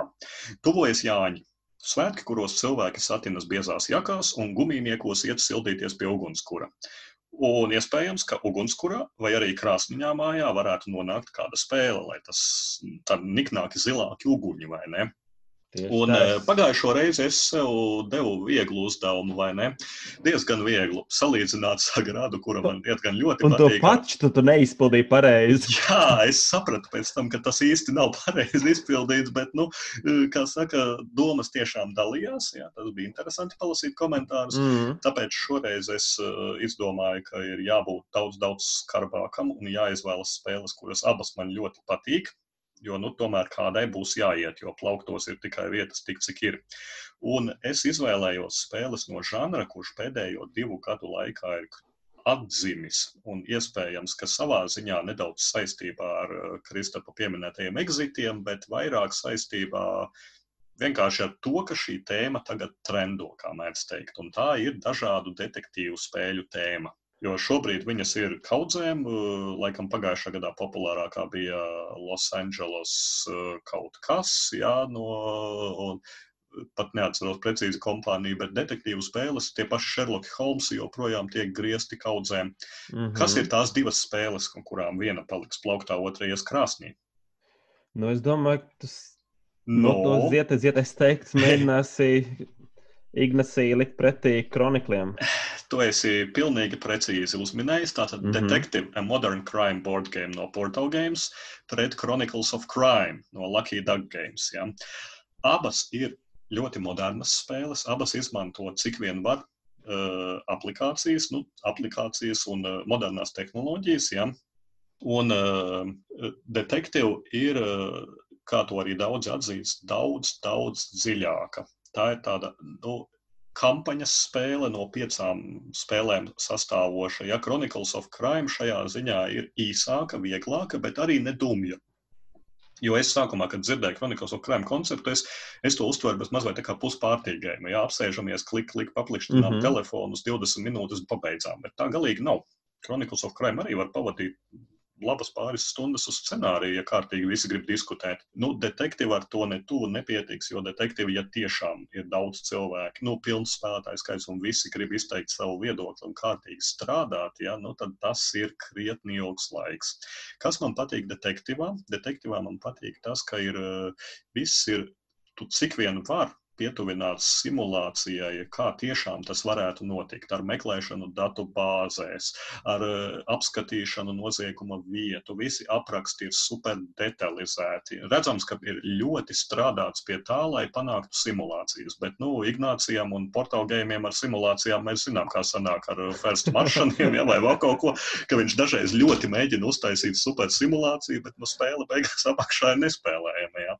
Jā. Kas ir ar kronikliem? Kroniklus Daudzi pat apskatnieki ir teikuši, ka tā nav spēle, ja? tas ir datorspēle. Ziniet, kā, un es savā ziņā piekrītu, bet man pret to nav pretenziju. Man nav pretenziju labā kompānijā, nezinu, apsēsties pat ja tas būtu lielais ekrāns, mēs iepriekš runājām par Mansions of Madness, kurš tev, Kristap, nepatika, vai ne? Jo, principā, Mansions of Madnessā arī visi sēž pie liela televizora un skatās storiju, un, un, un kaut ko ik pa brīdim interakto, nu, piedalās tajā stāstā. Ja. Chronicles of Crime šajā ziņā ir diezgan līdzīgs, jo es teiktu salīdzinājumā ar detektīvu, kur tu tiešām dari izmeklēšanas darbu kroniklos, tu izdomā, iesim pie tā, noskanēsim svītru kodu, ko mums telefons teiks, iesim pie tā, noskanēsim svītru kodu un tā tālāk, vai ne? E, un, un, un Chronicles of Crime tā galvenā odziņa ir tieši šī te meklēšana ar uh, telefonu telpā īstajā telpā, ja, grozot un meklējot, kur kādi objekti var būt svarīgi. Ja tās nebūtu, es teiktu, ka Chronicles of Crime ir datorspēle, nevis galda spēle. Ja. Tad mm -hmm. Izliekām uz galda kartiņas, tikpat labi tās kartiņas mums varēja rādīt uz ekrāna lielā, mums nevajadzēja pirkt galdu. Ja. Nu, tas, ka tev ir tomēr jāpieceļas kājās, jāskatās apkārt pa telpu un, un jābļauj pārējiem meklēt grāmatu, grāmatu redzu kaut kur. Ja. Nu, jā. E, izvēle ir smaga. Kā tu jūti no tā, ko es runāju? Kurš paliktu plauktā, kurš ietu krāsnī? Zini, man diezgan grūti, es neesmu kronikls pats izspēlējis nereiz. Nu, es, es teiktu, bet uh, detektīvs ir tik foršs un tik pietuvināts uh, mūsdienām, tik tāds dru, uh, drūmi, realistisks. Nu, man būs žēl, ja viņus redzinātu. Jā, es eh, šoreiz es piekrītu tev. Eh, detektīvs ir tas, kas paliek plauktā, bet tajā pašā laikā, ja mēs skatītos no tāda racionālā viedokļa, detektīvs ir iziets, viņu vēlreiz neietu. Chronicles of Crime var turpināt gāzt iekšā naudu un pirkt paplašinājumus. bet, nu, nu, jā, principā, bet tas, kas tev nāks, nāks, eh, šogad, starp citu, ir paziņoti gan viena standalone spēle tajā nevis universā, bet tajā spēles mehānismā, kuras, starp citu, taisa Robs Davju. Un mm -hmm. otrs ir detektīva season viens, tā kā iesācēja detektīvs ar tikai ar trim scenārijiem, nevis pieciem. Ja? Un laikam arī mhm. paplašinājums mm -hmm. detektīvam, tā kā trīs no šī te universa nāk jaunas spēles. Nu, un Chronicles of Crime nesen bija Kickstarteris, nāk veseli četri jauni Chronicles of Crime, Jā. tā kā abas šīs spēles ir ļoti ejošas, abas ir lieliskas. Ja kāds nevar izšķirties un izvēlēties, tad padomājiet paši, Chronicles of Crime šajā gadījumā viennozīmīgi ir vieglāk izspēlējams, telefonīgāks, detektīvs prasa daudz lielāku ieguldījumu, un es prognozēju, ka ne visi tās piecas epizodes iziet. Vai tiešām... izgāja līdz galam? Jā, es izgāju līdz galam, uh mhm. -huh. atrisinājām visu mistēriju, beigās visu sapratām. Bija gan dusmas uz autoriem brīžiem par to, ka kaut kas nav līdz galam bijis skaidrs vai paskaidrots, bet nu, tas ir poļi. tas ir portāla games, bet nu, kopējā pieredze bija lieliska. Un es tātad, jā, plauktā paturu detektīvu un, mm. un Chronicles nodegs, bet smartphone līdzi nemetīšu, ja nu, nu iznāks jauns Chronicles. detektīva ir liels plus. Es personīgi detektīvu spēlēju solo. Viena no tām retiem spēlēm, ko es spēlēju solo, un viņš bija ļoti, ļoti labs solo. Man liekas, Kronikls vairāk prasa to interakciju ar citiem kolēģiem, un tur būs incidents, tur būs solo detektīvs. Tu jūties, tev ārā aiz loga ir rudens, tu sēdi uh, puses teikt apgaismotā istabā un mēģini atkost to case, un tas ir uh, tīri feini. Mm. Man, man ļoti patīk. Cool. Tad šeit mums domas sakrita. Rakstiet arī jūs, tie, kas ir spēlējuši abus.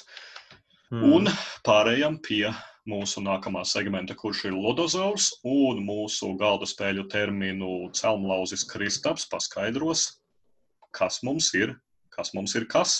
O, jā, tas šoreiz o, jā, būs. O, jā. Patiesībā viens no galvenajiem plusiem, kāpēc taisīt podkāstu, ir tas, ka mēs varam izdomāt saturu kā tādu, vai ne? Un šoreiz man būs Ludozorā ļoti vienkāršs skaidrojums, un mehānika ir role-playing, jeb latviskojot tas lomu spēles. Un šeit uh, es esmu pilnīgi pārliecināts, ka nevienam nebūs nekāda pretenzija pret mūsu latviskojumu. Beidzot. Um, un tās, principā, ir spēles, kurās ir būtiska mehāniski ir iejusties spēļu tēlos. Un mehāniski tiek ievērojami uzlaboti, spēlētāji iejūtas savā lomā, viņi iejūtas, ka viņš ir kapteinis, viņš iejūtas, ka viņš ir um, primadonna, un ja tu to nedari, tad spēle paliek uh, gaužām garlaicīga pārsvarā. Un es gribēju šo mehāniku mazliet pieminēt, tāpēc, ka es pirmo reizi pagājušā nedēļa laikā, es pirmo reizi dzīvē uzspēlēju Dungeons and Dragons, kas bija labs, labs, labs piedzīvojums. Un reiz jāatzīmē, ka tā īsti nav galda spēle. Tādā oriģinālajā uztverē, lai gan viņa, ja mēs skatītos pēc mūsdienu mērauklām, visticamāk, viņi izdodas tagad no jauna, iespējams, ka jau cilvēks sāk mazliet citādāk skatīties. Un, jā, es izspēlēju vienu epizodi, un izrādās, uh, mans priekšstats bija tāds, ka uh, sanāk pusmoži vīrieši, un varbūt kāds pusmožs sievietes apsēžas ap galdu, dzer vienu un kaut ko gudri mūtu pāris stundas. Tas, tas, ko es domāju, ka tas ir Dungeons and Dragons. Un, protams, tas ir pazemē, un uzbruk puķis. Tas bija mans expectācijas, kad gāju uz to spēli kā tādu. Bet ļoti būtisks tas mehānisms ir tā loma spēlēšanas, izmantošanas, stāstu veidošana. Uh, Un tur ir milzīgs process, kas notiek. Tur ir jāuztaisa savs varonis, lai iestos viņā. Tur ir jāizvēlās kāda rase, klase. Piemēram, man bija kāds puķveidīgais ceļotājs ar pieredzi kuģniecībā. Tad ir jādodas pilsētā un jādarbojas un tā tālāk. Bet uh, tas viss ir super garlaicīgi, un to visu spēli var izspēlēt uh, minūtēs 15. Uh, tā mehānisms, bet uh, viss radās, ja tu spēlējies, ieties savā lomā un to dziļi izjūt. Un šeit arī tas mehānisms parādās. Uh, Uh, un, jā, mums bija superīgs vadītājs, mums bija ļoti daudz dažas, dažādas interesantas references par Jālgās galda spēļu klubu. Bija arī cīņa mehānika, kas bija kaut kas līdzīgs Imperial Salt un Descent stilā. Un tas kopumā tas iespējas bija ļoti feins.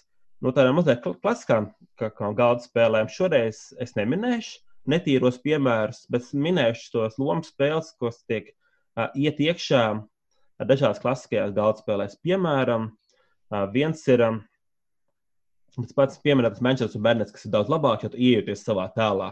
Tu esi bagātnieks, tu rīkojies kā bagātnieks un aizsūtīji viesmīli projām. Vai arī, vai arī, piemēram, labs piemērs ir tas pats uh, Sheriff of Nottingham, kurš ir uh, super triviāls mehāniks, kurš cilvēki vienkārši iet iekšā un uh, parāda savu kontrabandu. Ir, ir tur āboli vai tur ir zelta gailis, bet ja tu iejūties Sheriff of Nottingham un mēģini un dot kukuļus un runāt ar šerifu un teikt, nu, šerifs šoreiz varbūt pat rīt zeltiem tu nevērs vaļā. Tad tā spēle parādās pavisam, pavisam cits asumiņš. Un tas nu, pirmajā variantā, kā es, es arī, kā es pirmo reizi spēlēju šerifu Nottingham, viņš supergarlaicīgi, bet, ja tu pieliec uh, pamatīgi lomu spēles uh, elementus, un tu iejūties tajos tēlos, tad ir paliek daudz interesantāk. Uh, viens tāds uh, variants vēl varētu būt no lomu spēlēm. Uh, ir Tales of Arabian Nights, ko es neesmu daudz spēlējis, bet varbūt Toms var iedot kaut kādu savu insaidu, kā, kā tev sajūta, sajūt, cik labs ir Tēls Reibinēts, ja tu ieties vai neiejūties iekšā. Uh, es domāju, ka noteikti, bet principā iejusties var gandrīz vai jebkurā spēlē, kur tev ir kaut kāds tēls, ar kuru tu spēlē. Būtībā, mm. ja.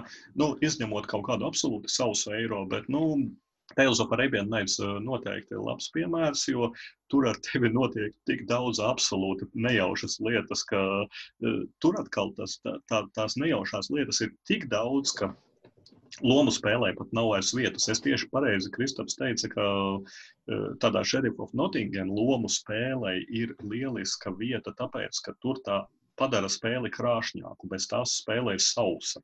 Mm -hmm. Tales of Arabian Nights pats par sevi jau dod tik daudz informācijas tev visādas, kas ar tevi notiek, ka ja vēl spēlētāji sāktu lomu spēlēt, tad, tad, tad, tad viņš iet līdz rītam. Jā. Nu, ja kāds grib, tad tā noteikti var spēlēt, bet Tales of Arabian Nights, cik es esmu spēlējis, vairāk ir baudām to stāstu, jā, un sakām, ai, ai, ai, ārprāts.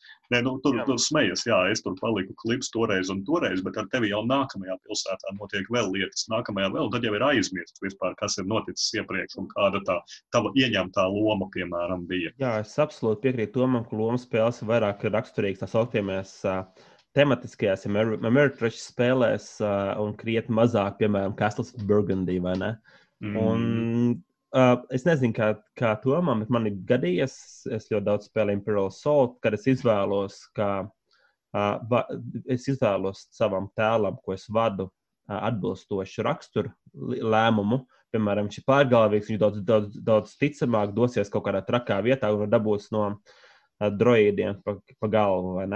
Un tāpat arī dažādās uh, zombiju spēlēs, tā pašā zombicide, arī tas pats elements, kas iedod to papildus stāstu, Jo tu jau vari izrēķināt, tur izkalkulēt, ka tev tur okay, mm -hmm. man te būs 30% success rate, tur būs 45% success rate. Bet, uh, bet kāda starpība, vai ne? Mm, jo jā, labāk ir intaks, jā. tieši tā, jā, es pilnīgi atceros, jā, man ir bijušas lieliskas last night un ēst partijas, kur uh, tu vienkārši iejū, iejūties uh, tā uh, augstskolas mudā, kā ar beisbolu noju ādā, kurš skraida vienkārši tupi ar pieri sienā un mēģina apsist piecus mhm. zombijus mm. viens pats. Jā, nu, tas ir darīts. Tiešām. Vai tev ir bijis arī kādreiz tāds sajūta, tāds gadījums, kad uh, tu, uh, ir cilvēki, kas uh, absolūti bloķē to iejušanos uh, lomās un saka, nē, tev jāiet uz turieni, nē, ja ar beisbolu noju tu dabūsi pēc Nobela, vai pārsvarā izdodas veiksmīgi? Uh, Es teiktu, ka tas ir ne tikai par lomu spēlēm, ka ir cilvēki, kuri dažreiz spēles uztver pārāk nopietni. Ja? Nu,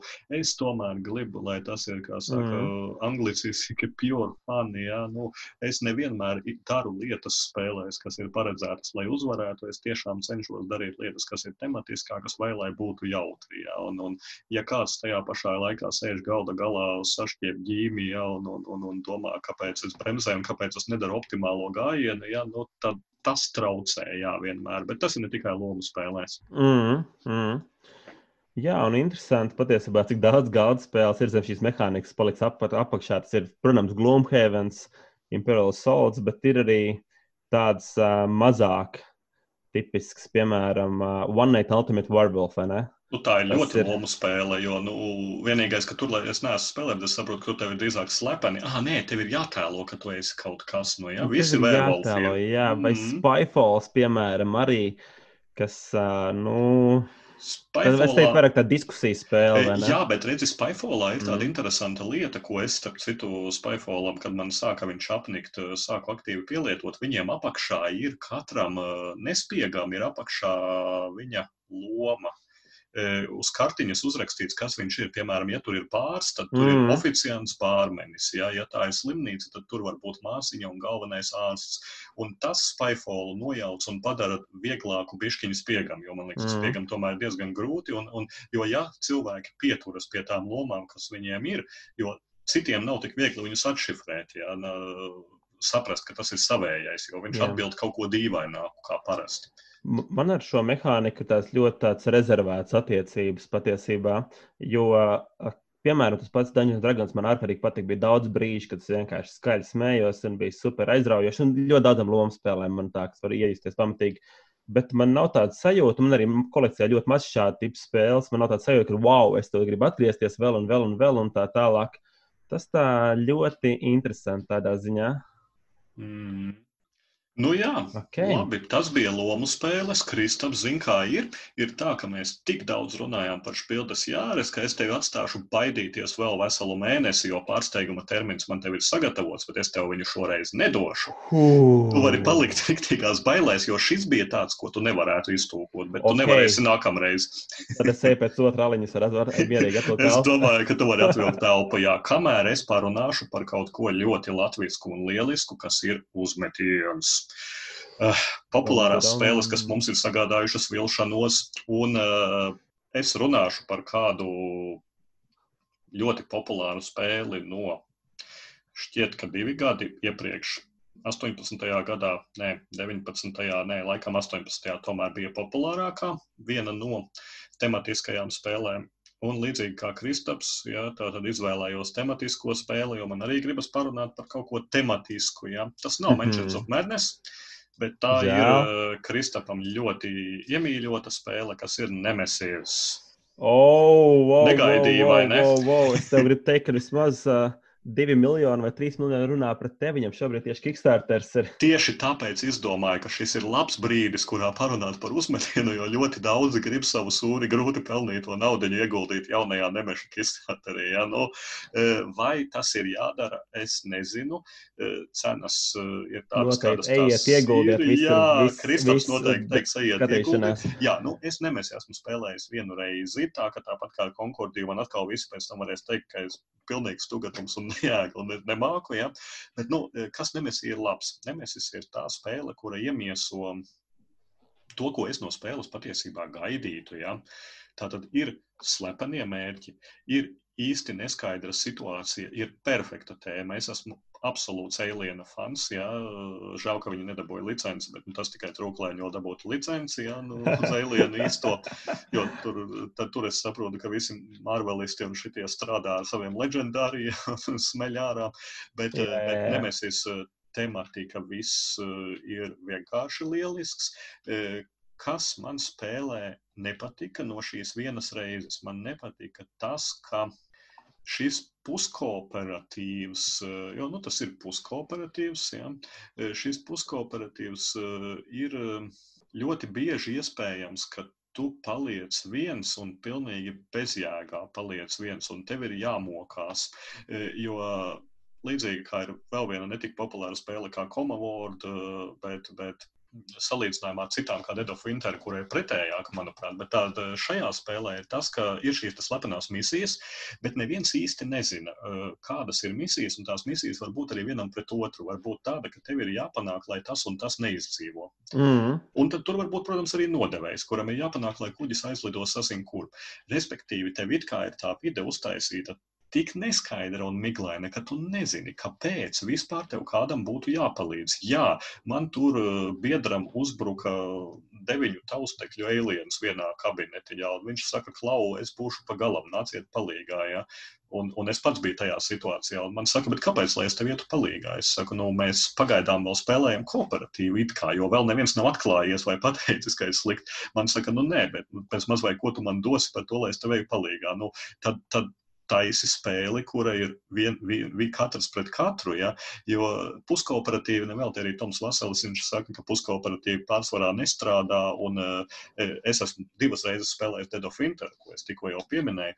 Tur man par laimi nav gadījies Dedofinterā sastapties ar to drausmīgo situāciju, kurā e, labajam nenodevējam ir redzams, ka viņš neuzvarēs un visi citi uzvarēs. Un jā, jāpieņem lēmums, ko tagad darīt. Iegāzt koloniju vai, vai, vai tomēr spēlēt par. E, es, es tādā gadījumā Dedofinterā spēlētu par labajiem, lai arī es zaudētu un citi uzvarētu, jo tomēr es neesmu nodevējis. Ja. Šādā spēlē kā Nemesī e, tu pat īsti nezini, kas ir labie, kas ir sliktie. Ja tu vienkārši spēlē, katram ir sava slepena misija, un iespējams, ka tam, kurš ar tevi reizē iegāja kaut kādā kabūzī, viņam ir tieši misija, lai tu neizdzīvo. Ja? Un eh, šajā konkrētajā nemešu partijā manī, ja es atceros, iestūma. Man bija misija, lai Toms neizdzīvo. Jā, jā, bet tu starp citu. Pārējie to novāc manā vietā. Pārējie man novāc tavā vietā, jā. Man iestūma vienkārši kaut kādā istabā un gaitenī pie, tā, priekšā tā istabai nolika lielo alienu. Respektīvi, es biju izslēgts uz visu atlikušo partiju, jo lielajam alienam garām es netiku. Ja es mēģinu tikt, tad es nomirstu un pārējie tad varēja spēlēt. Jā. Nu, uh, kaut kas tur nav. Un man tieši tāpēc es saku, ka šī ir vilšanās spēle, jo es no viņa gaidīju ļoti daudz no šīm slepenajām misijām. No tā, ka tu vari slepeni aiziet un mainīt kuģim kursu, un kuģis lido nevis uz zemi, bet citur, nu, ja tu esi nodevējis.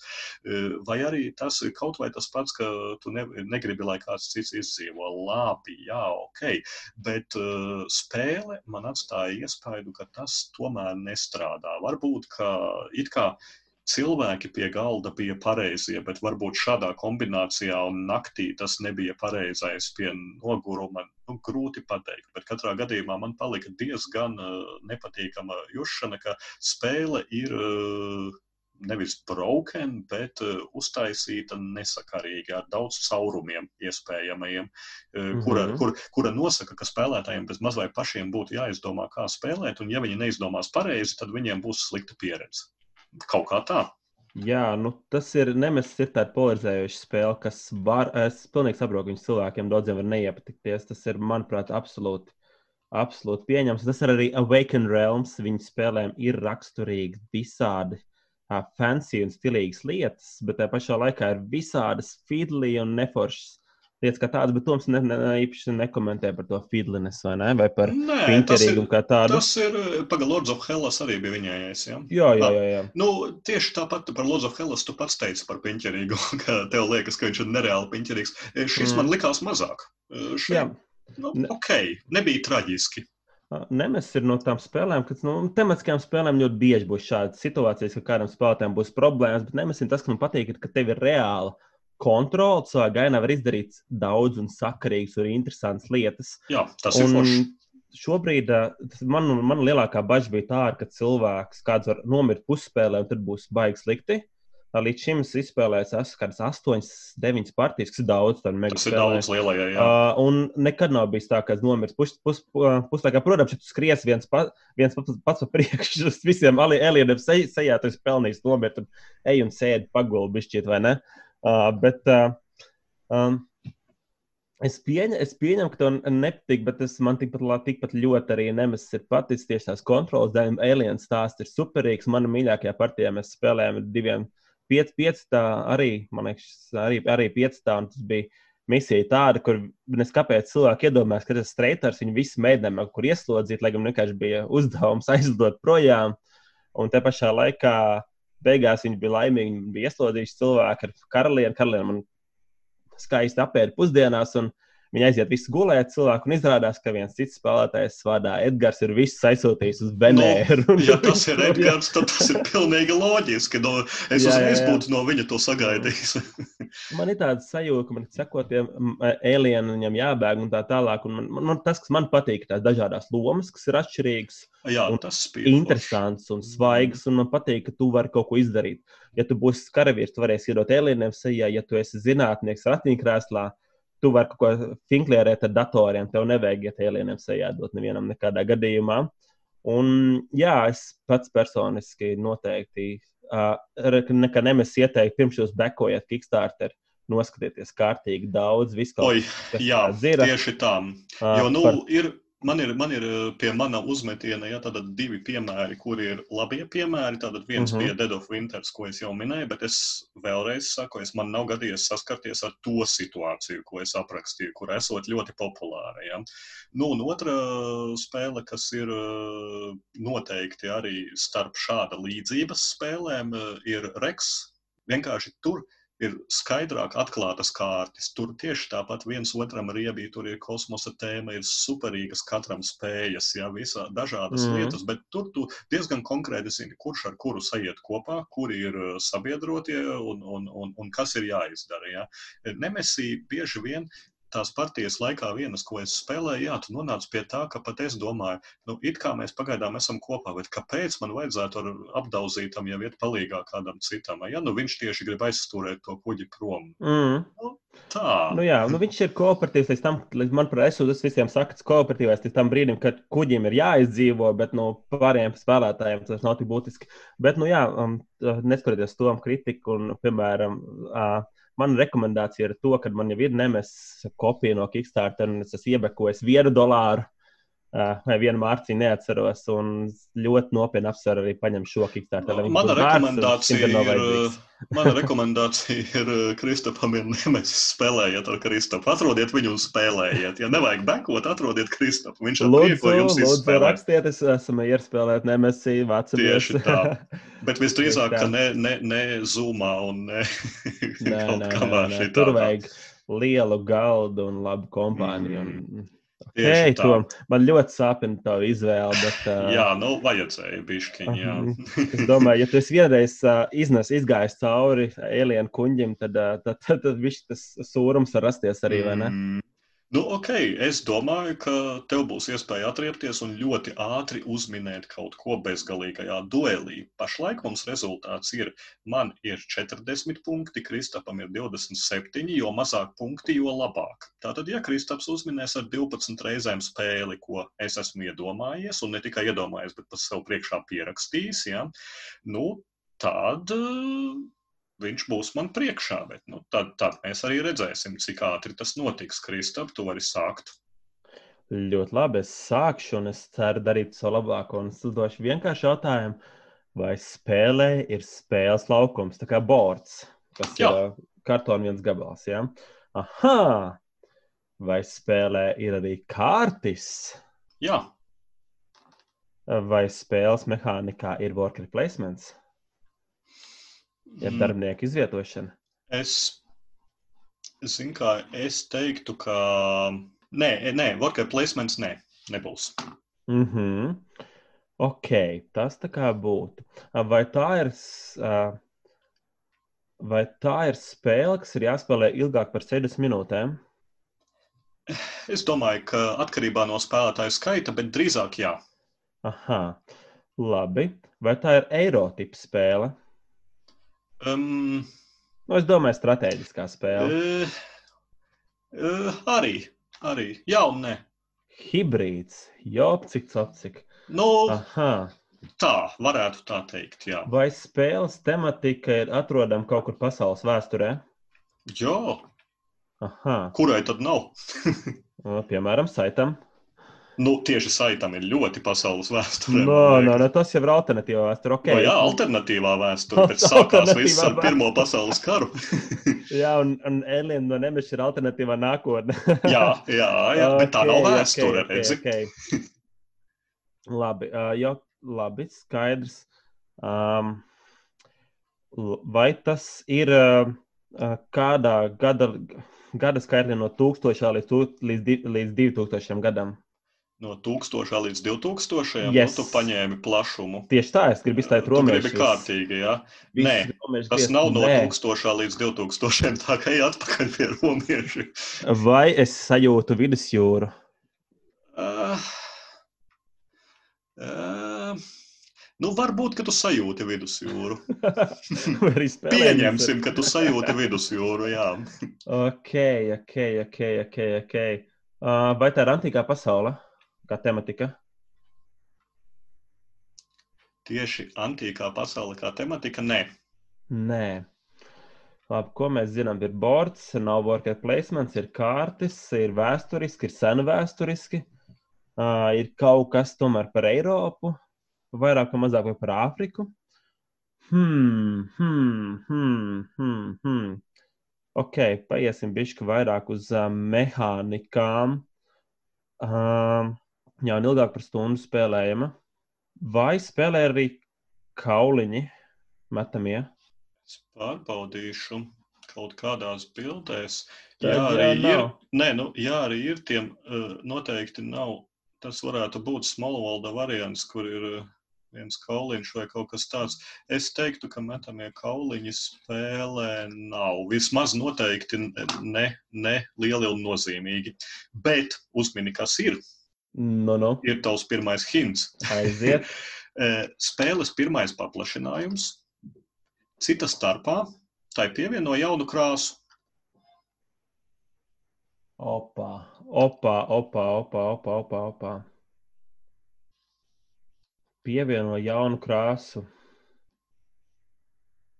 Tas ir interesanti. Eh, vai tā ir papildus spēlētāja krāsa? Nē. Bāts. Tā nav kauliņa, noteikti nav sagrada, vai ne? Tā. Es šo pat neuztveršu par jautājumu. tas nav jautājums, tas ir mans priedelējums. Tā, tā, tā, tā, tā. Vai tā ir austrumu tēma spēle? Nē. Ok, es kāpēc domāju par Five Tribes, bet tur arī nav viens bords. Ok, es esmu bijis iesprūdis, un tas nav patīkami. Spēle ir 6 stundiem, par, par paplašinājumi Uh, senas, senas, senas, senas lietas. Ok, vai spēle ir par cilvēku darbību? Uh, arī. Jā, jā. Arī. Mm -hmm. Okay. Es pieņemu, ka tu nerēķini abas kā vēsturisku spēli par uh, zivju cilvēku darbību. Nē, ok, ok, ok, ok. okay. Ir krāsa, ir spēle par cilvēku darbību. Vai spēle ir iegūst kādas balvas? Nu, no lielajām, nevis uh, Itālijas labākā. es mēģināšu pārbaudīt. Es man domāju, ka domāt. Es domāju, tā, kur Borgēmī kā var redzēt balvas, spēle ir Pasaka, ieguvusi. spēles paskatīšos. E, Jā, spēle ir ieguvusi, starp citu, es biju domājis, ka šī spēle ir ieguvusi daudz vairāk balvas. Tā ir ieguvusi divas kaut kādas figūras balvas. Divas figņu balvas. Ah, nē, balva ir viena, jo viens ir nominī, otrs ir winner. Ok. Aha, Bet es darbību. justu, ka šai spēlē varētu būt vairāk balvas, es teiktu. Mhm. Ā, Vai spēlē tiek būvēts kaut kādas uh, struktūras? Es domāju, ka ēkas vai pilsētas un tā tālāk. Kaut kas tiek būvēts. Um, es tev teiktu, jā, bet uz to nefokusējies. Vai spēlē ir konflikts? Jā, Ok, ok, ok, ok. ok, okay.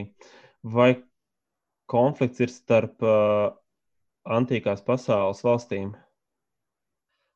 mm, tu jau prasīji iepriekš par to, vai ir antīkā pasaule, un es Es teicu, nē. Okay. Tā kā šitais es ignorēšu, es to nedzirdēju. Labi, tu ne, neko, ne, neko nedzirdēji, viss kārtībā. Aha, ir konflikts, vai spēlē ar arī kontrols? Kā mehānika? Mm, es domāju, ka ir.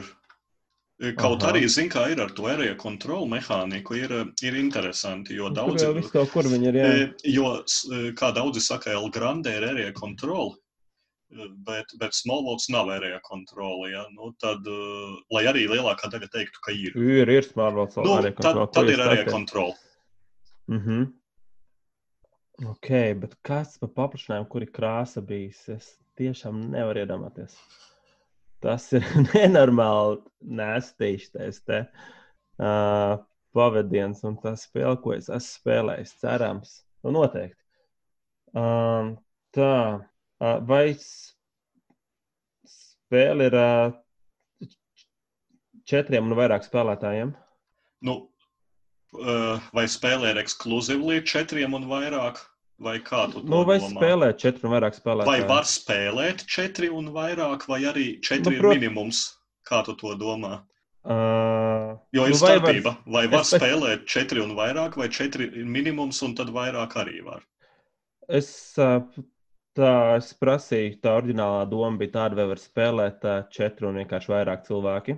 Var spēlēt četri un vairāk, jā. Mhm. Tad var spēlēt daudz un īsā laikā. Un tas nav powergrids. Ok, uh, krāsa, krāsa. Un kaut kas var, ok, varbūt tas ir par galvu. Spēli var spēlēt arī mazāk par četri, tu saproti. Nu, jā, jā, jā tur mm. dafiga var spēlēt. Un... Bet arī nav tā, ka vai negadāfīgā. jā, es teiktu, Nu, ka varbūt arī nevajag. Nē, es, es mēģināju vienkārši izslēgt, ka nav kaut kāds tur unikālais divu spēlētāju spēle, kas ir uh, kaut kāds wargames Tās tu tā izslēdzi, jā. Tas tādā veidā arī izslēdzu. Ok, jā, iet atpakaļ pie mehānikām. Vai spēle ir uh, radīta pēc, uh, pēc, laika, uh, pēc pie, 2015. gada? Pēc 2015. Jā, viņi ir jaunāki par šo 16. un uz augšu, jā? Nē, nav.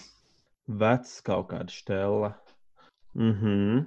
Um, un ir pamatīgi visādi konflikti iekšā, un ir kārtas, un tā tālāk, un tā, un tā joprojām sajūtam vidusjūru. Uh, vai spēlē nu ir tirgošanās arī? Mm, Nē. Nē. Vai tā ir kā civilizācijas spēle? Uh, nu, varbūt varētu pišķiņi teikt, bet nē, nē, ja tu saki, ka tapestrīs nav civilizācija, tad šis arī Tāpēc ne. tas galīgi nav Nu, civilizācija. tapestrīs ir vairāk civilizācija kā šīs, es teiktu. Ja, nu, ja civilizācija ir tas, ko tu stāstīji, ko tu uztver kā civilizāciju, attīstām tehnoloģijas mm -hmm. tādā veidā uz augšu, nu, zin kā, nu, ir triki. Tāpēc es tev došu otro hintu. Ok, paldies. Tu esi nonācis. Nu, šim vajadzētu tev reāli palīdzēt, jo tu esi ļoti, Es esmu ļoti advancēts. mežā un skrienu gudrs, jā. kokos. Nesen ir palaists šīs spēles jaunās versijas Kickstarteris. Spēles nosaukumam pievienots nedaudz sarkanas un dzeltenas matērijas. Nesen ir Kickstarter un zeltainas zeltainas matērijas. Nesen ir palaists šīs spēles jaunās Jā, jā, versijas jā, jā. Kickstarteris. Spēles nosaukumam pievienots nedaudz sarkanas un dzeltenas matērijas. Kas tas par bullshit? Uh, vienīgais, kas Kickstarter šobrīd zina, ir šis te Maharaža, bet tas nav tas. Tad varbūt Jā. tu tomēr neesi tik cool influenceris, ja tu šo Es nezini. neesmu influenceris galīgi šobrīd. Uh, es mēģinu atcerēties visu, Kik- vai Kickstarter ir noslēdzies.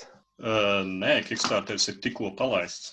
Tikko palaists, es to esmu tiešām palaidis garām. Ah, šaiza, daiza, kaut kādas krāsas matērijas un tā tālāk. Ok, nozīmē, ka spēlēs daudz krāsas. Uh, vai tas nav kaut kāds komandas un kolor sērija? Nē, Nē, mm -hmm. nu, jā, tur jau būtu tāds konflikts ar antīkās pasaules valstīm. Labi. Uh, izskatās, ka nopelnīju šī reizē tik daudz punktu, cik man kopā ir. ok.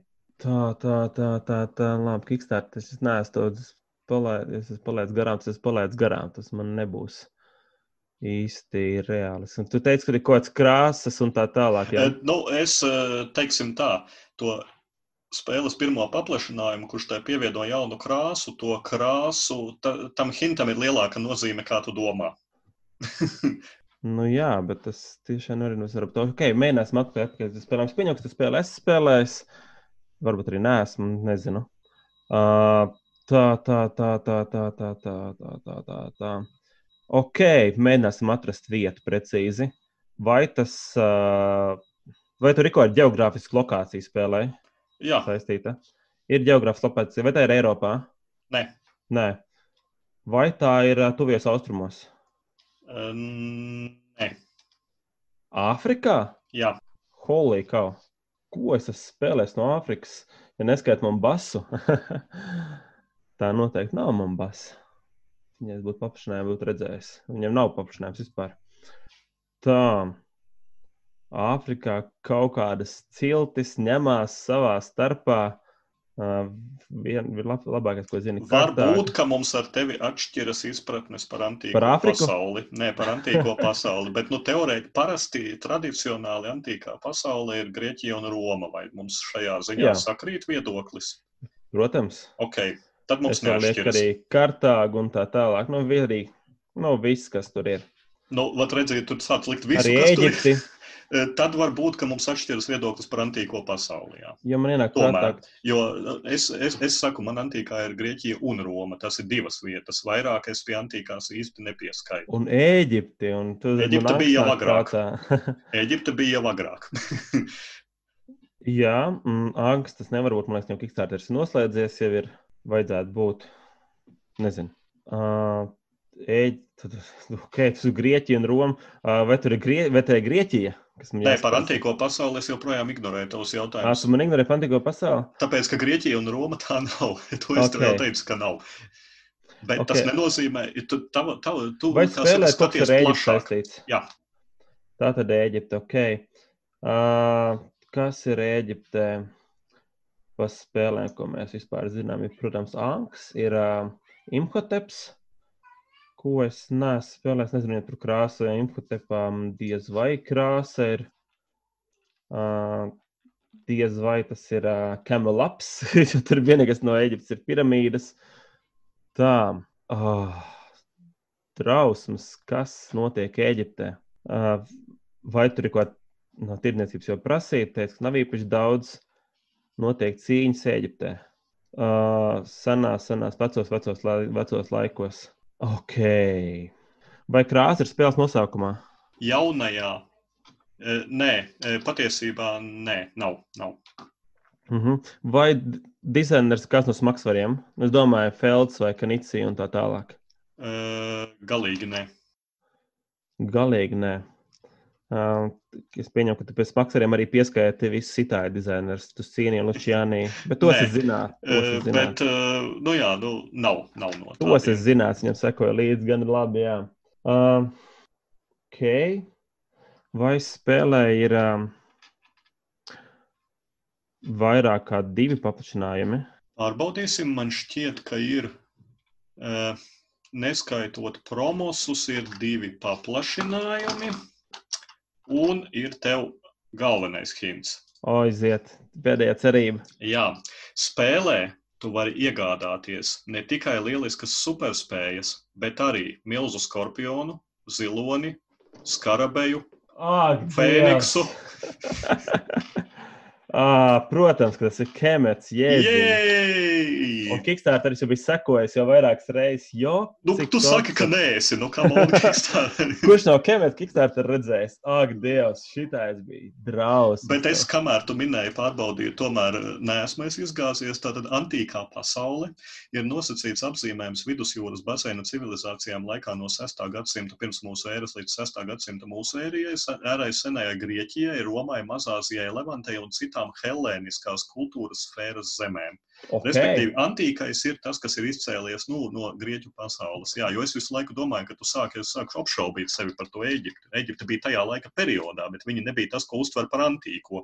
Man jā, liekas, tas tev reāli izsita no rīta. Cilvēks, no, jā, tas tev izsita no rīta, bet mm. patiesībā tur arī uz tā antīko ir diezgan maz, jo tā ir spēle par dieviem, ja, kuri cīnās ar visādiem monstriem savā starpā. Jā, jā patiesībā, es tiku uz Eģipti, man bija mega blackouts, atcerējās Anku, protams, kas kas tagad ir aktuāls, bet to nebūtu līdz jau neesmu spēlējis.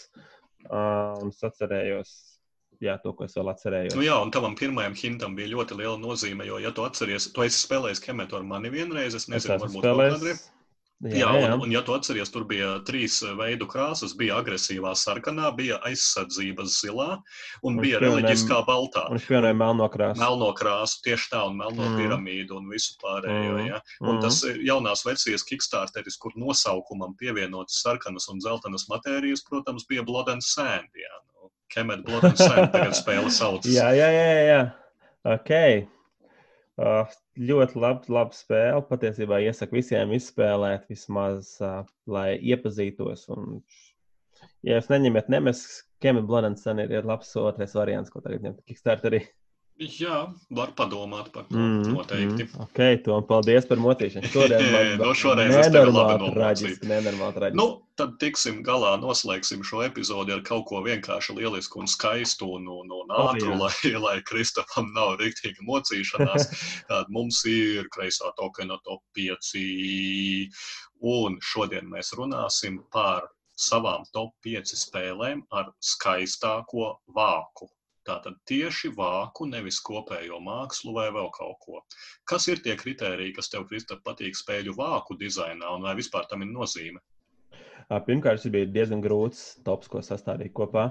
Un tas, no kā es mēģināju, un ko es sapratu, kas man liekas tāds otršķirīgs, ir tas, ka tur ir spēlē kaut kāds viens vīrs vai viena sieva augšā, un tad uh, Tas man likās uzreiz daudz garlaicīgāk. Man liekas, labākais elements, ko izdarīt, ir ielikt to spēles vākā kaut kādas spēles stāsts, kas tur iekšā notiek, par ko tur, par ko tur ir tas viss stāstījis.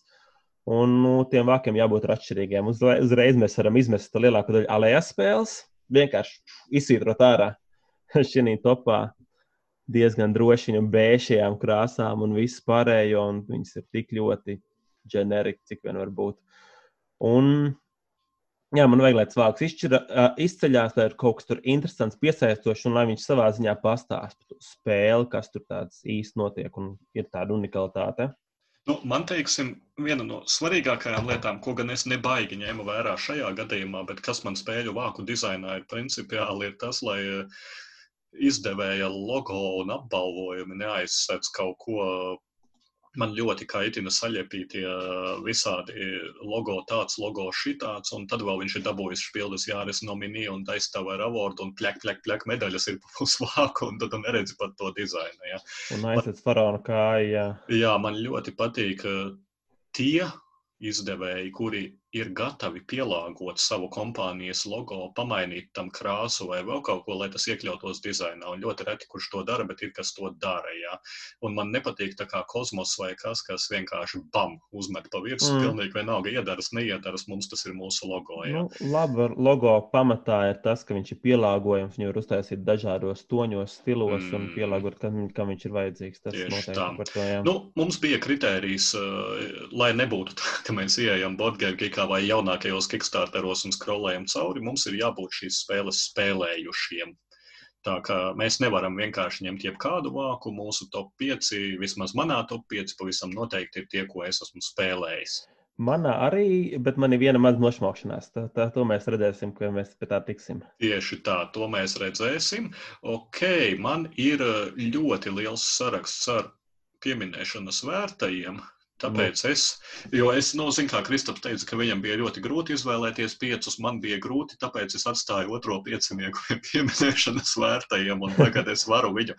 E, man ir ar nosacījumiem. Man ir ar nosacījumiem. E, pirmais ir Robinson Crusoe. Eh, no pieminēšanas vērtajiem, bet pirmais izlaidums, nevis jaunais Vincenta Dutrē, bet eh, vecais portāla games brūnais uh, pirātu vāks. Man ļoti Piekrīt. patika, bet es viņu neliku topā, jo šobrīd jūs vairs tādu Robinsonu Cruzo visdrīzāk neatradīsiet. Jā, jā bet, un viss spēle no sāna bija kā kaste dārguma. Jā, dārguma lāde un tur iekšā 3D, nu viss vienkārši lieliski, jā.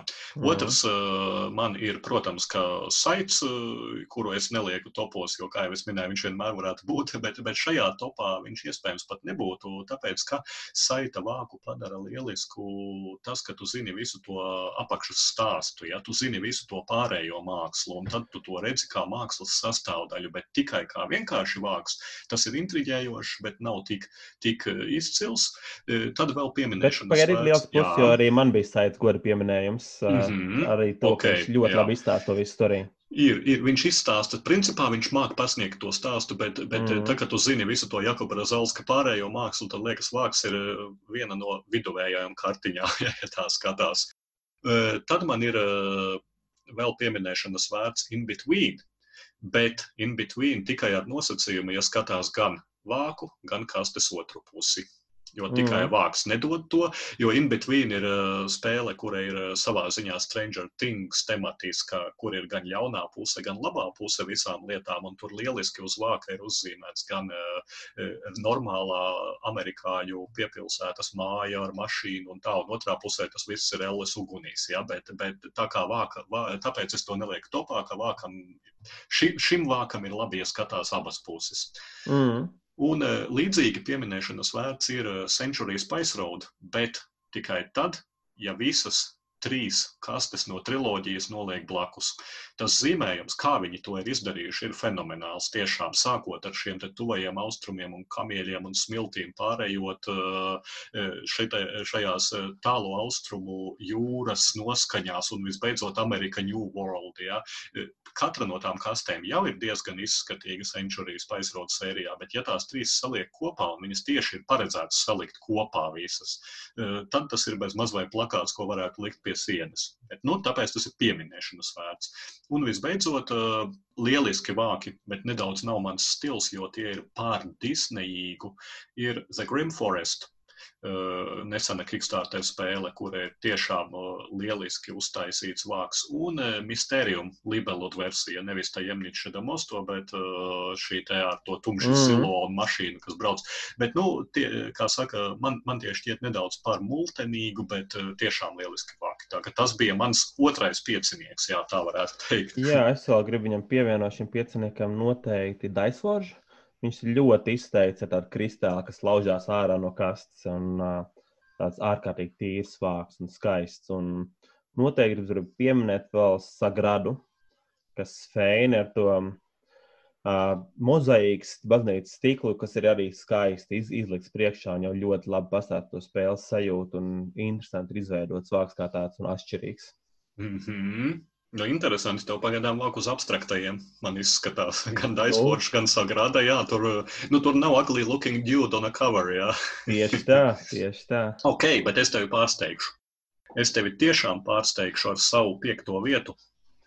Un mana piektā vieta ir spēle, kura ir pieminēta šajā podkāstā. un to es pieminēju tu. Aha. Minot savu neuzminamo nabaga kemetu, un tā spēle ir Mombasa. Tagad tu vari teikt, wow, nevar Ko? būt.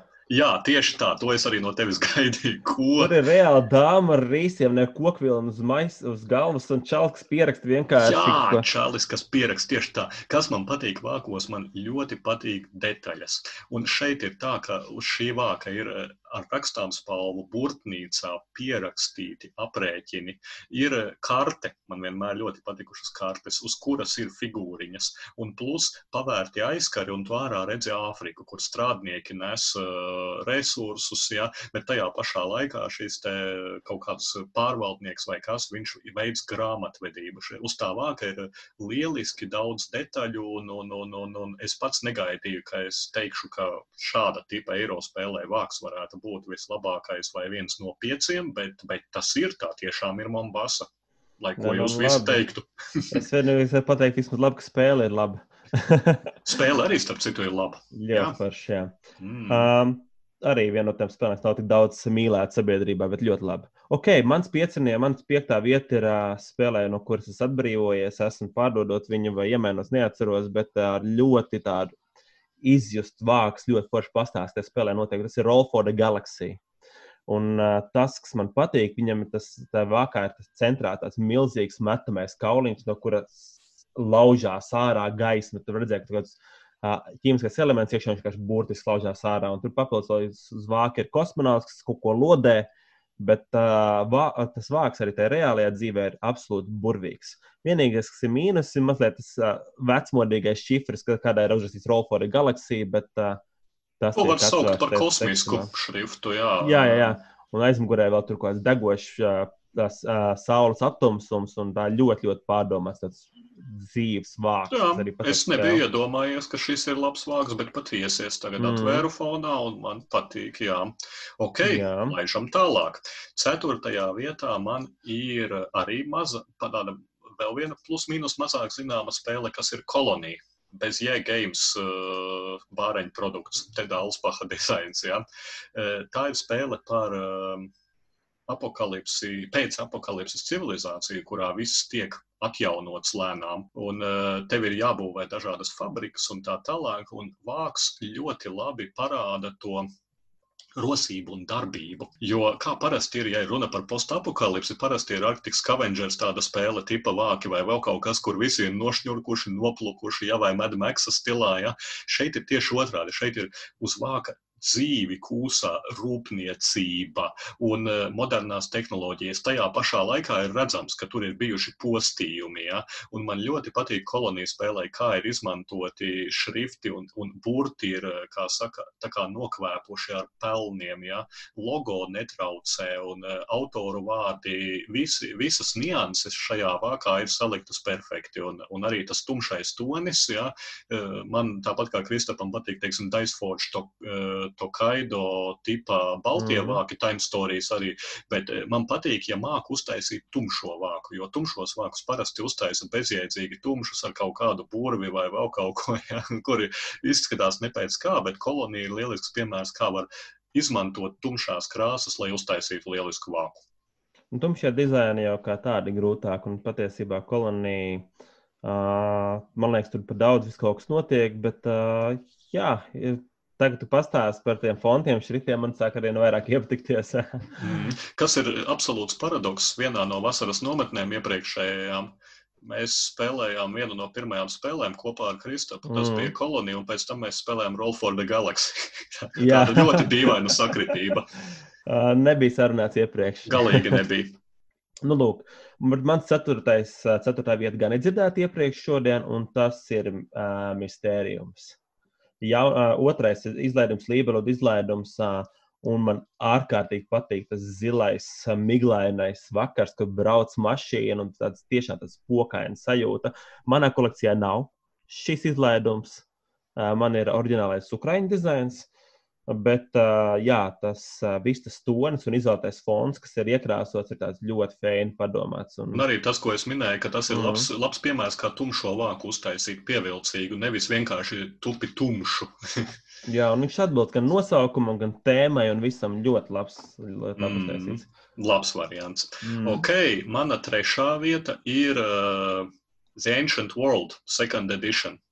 Uh, Parasti es neesmu Rajana Laukata mākslas piekritējs. Eh, es cienu viņu par viņa uzbūvēto universu un eh, to, kā viņš lietas zīmē, bet Ancient World tieši vāks man liekas īpaši fascinējošs, un tas ir tas, kurš daudz labāk izskatās dzīvē, kā Boardgame Geek eh, attēlos viennozīmīgi. Uh, Un, un, un, uh, tur ir šie titāni redzami, un osta, un, uh, un, un senās antīkās pilsētas, uh, kā saka, un ļoti pareizi un lieliski izvēlēts uh, šrifts.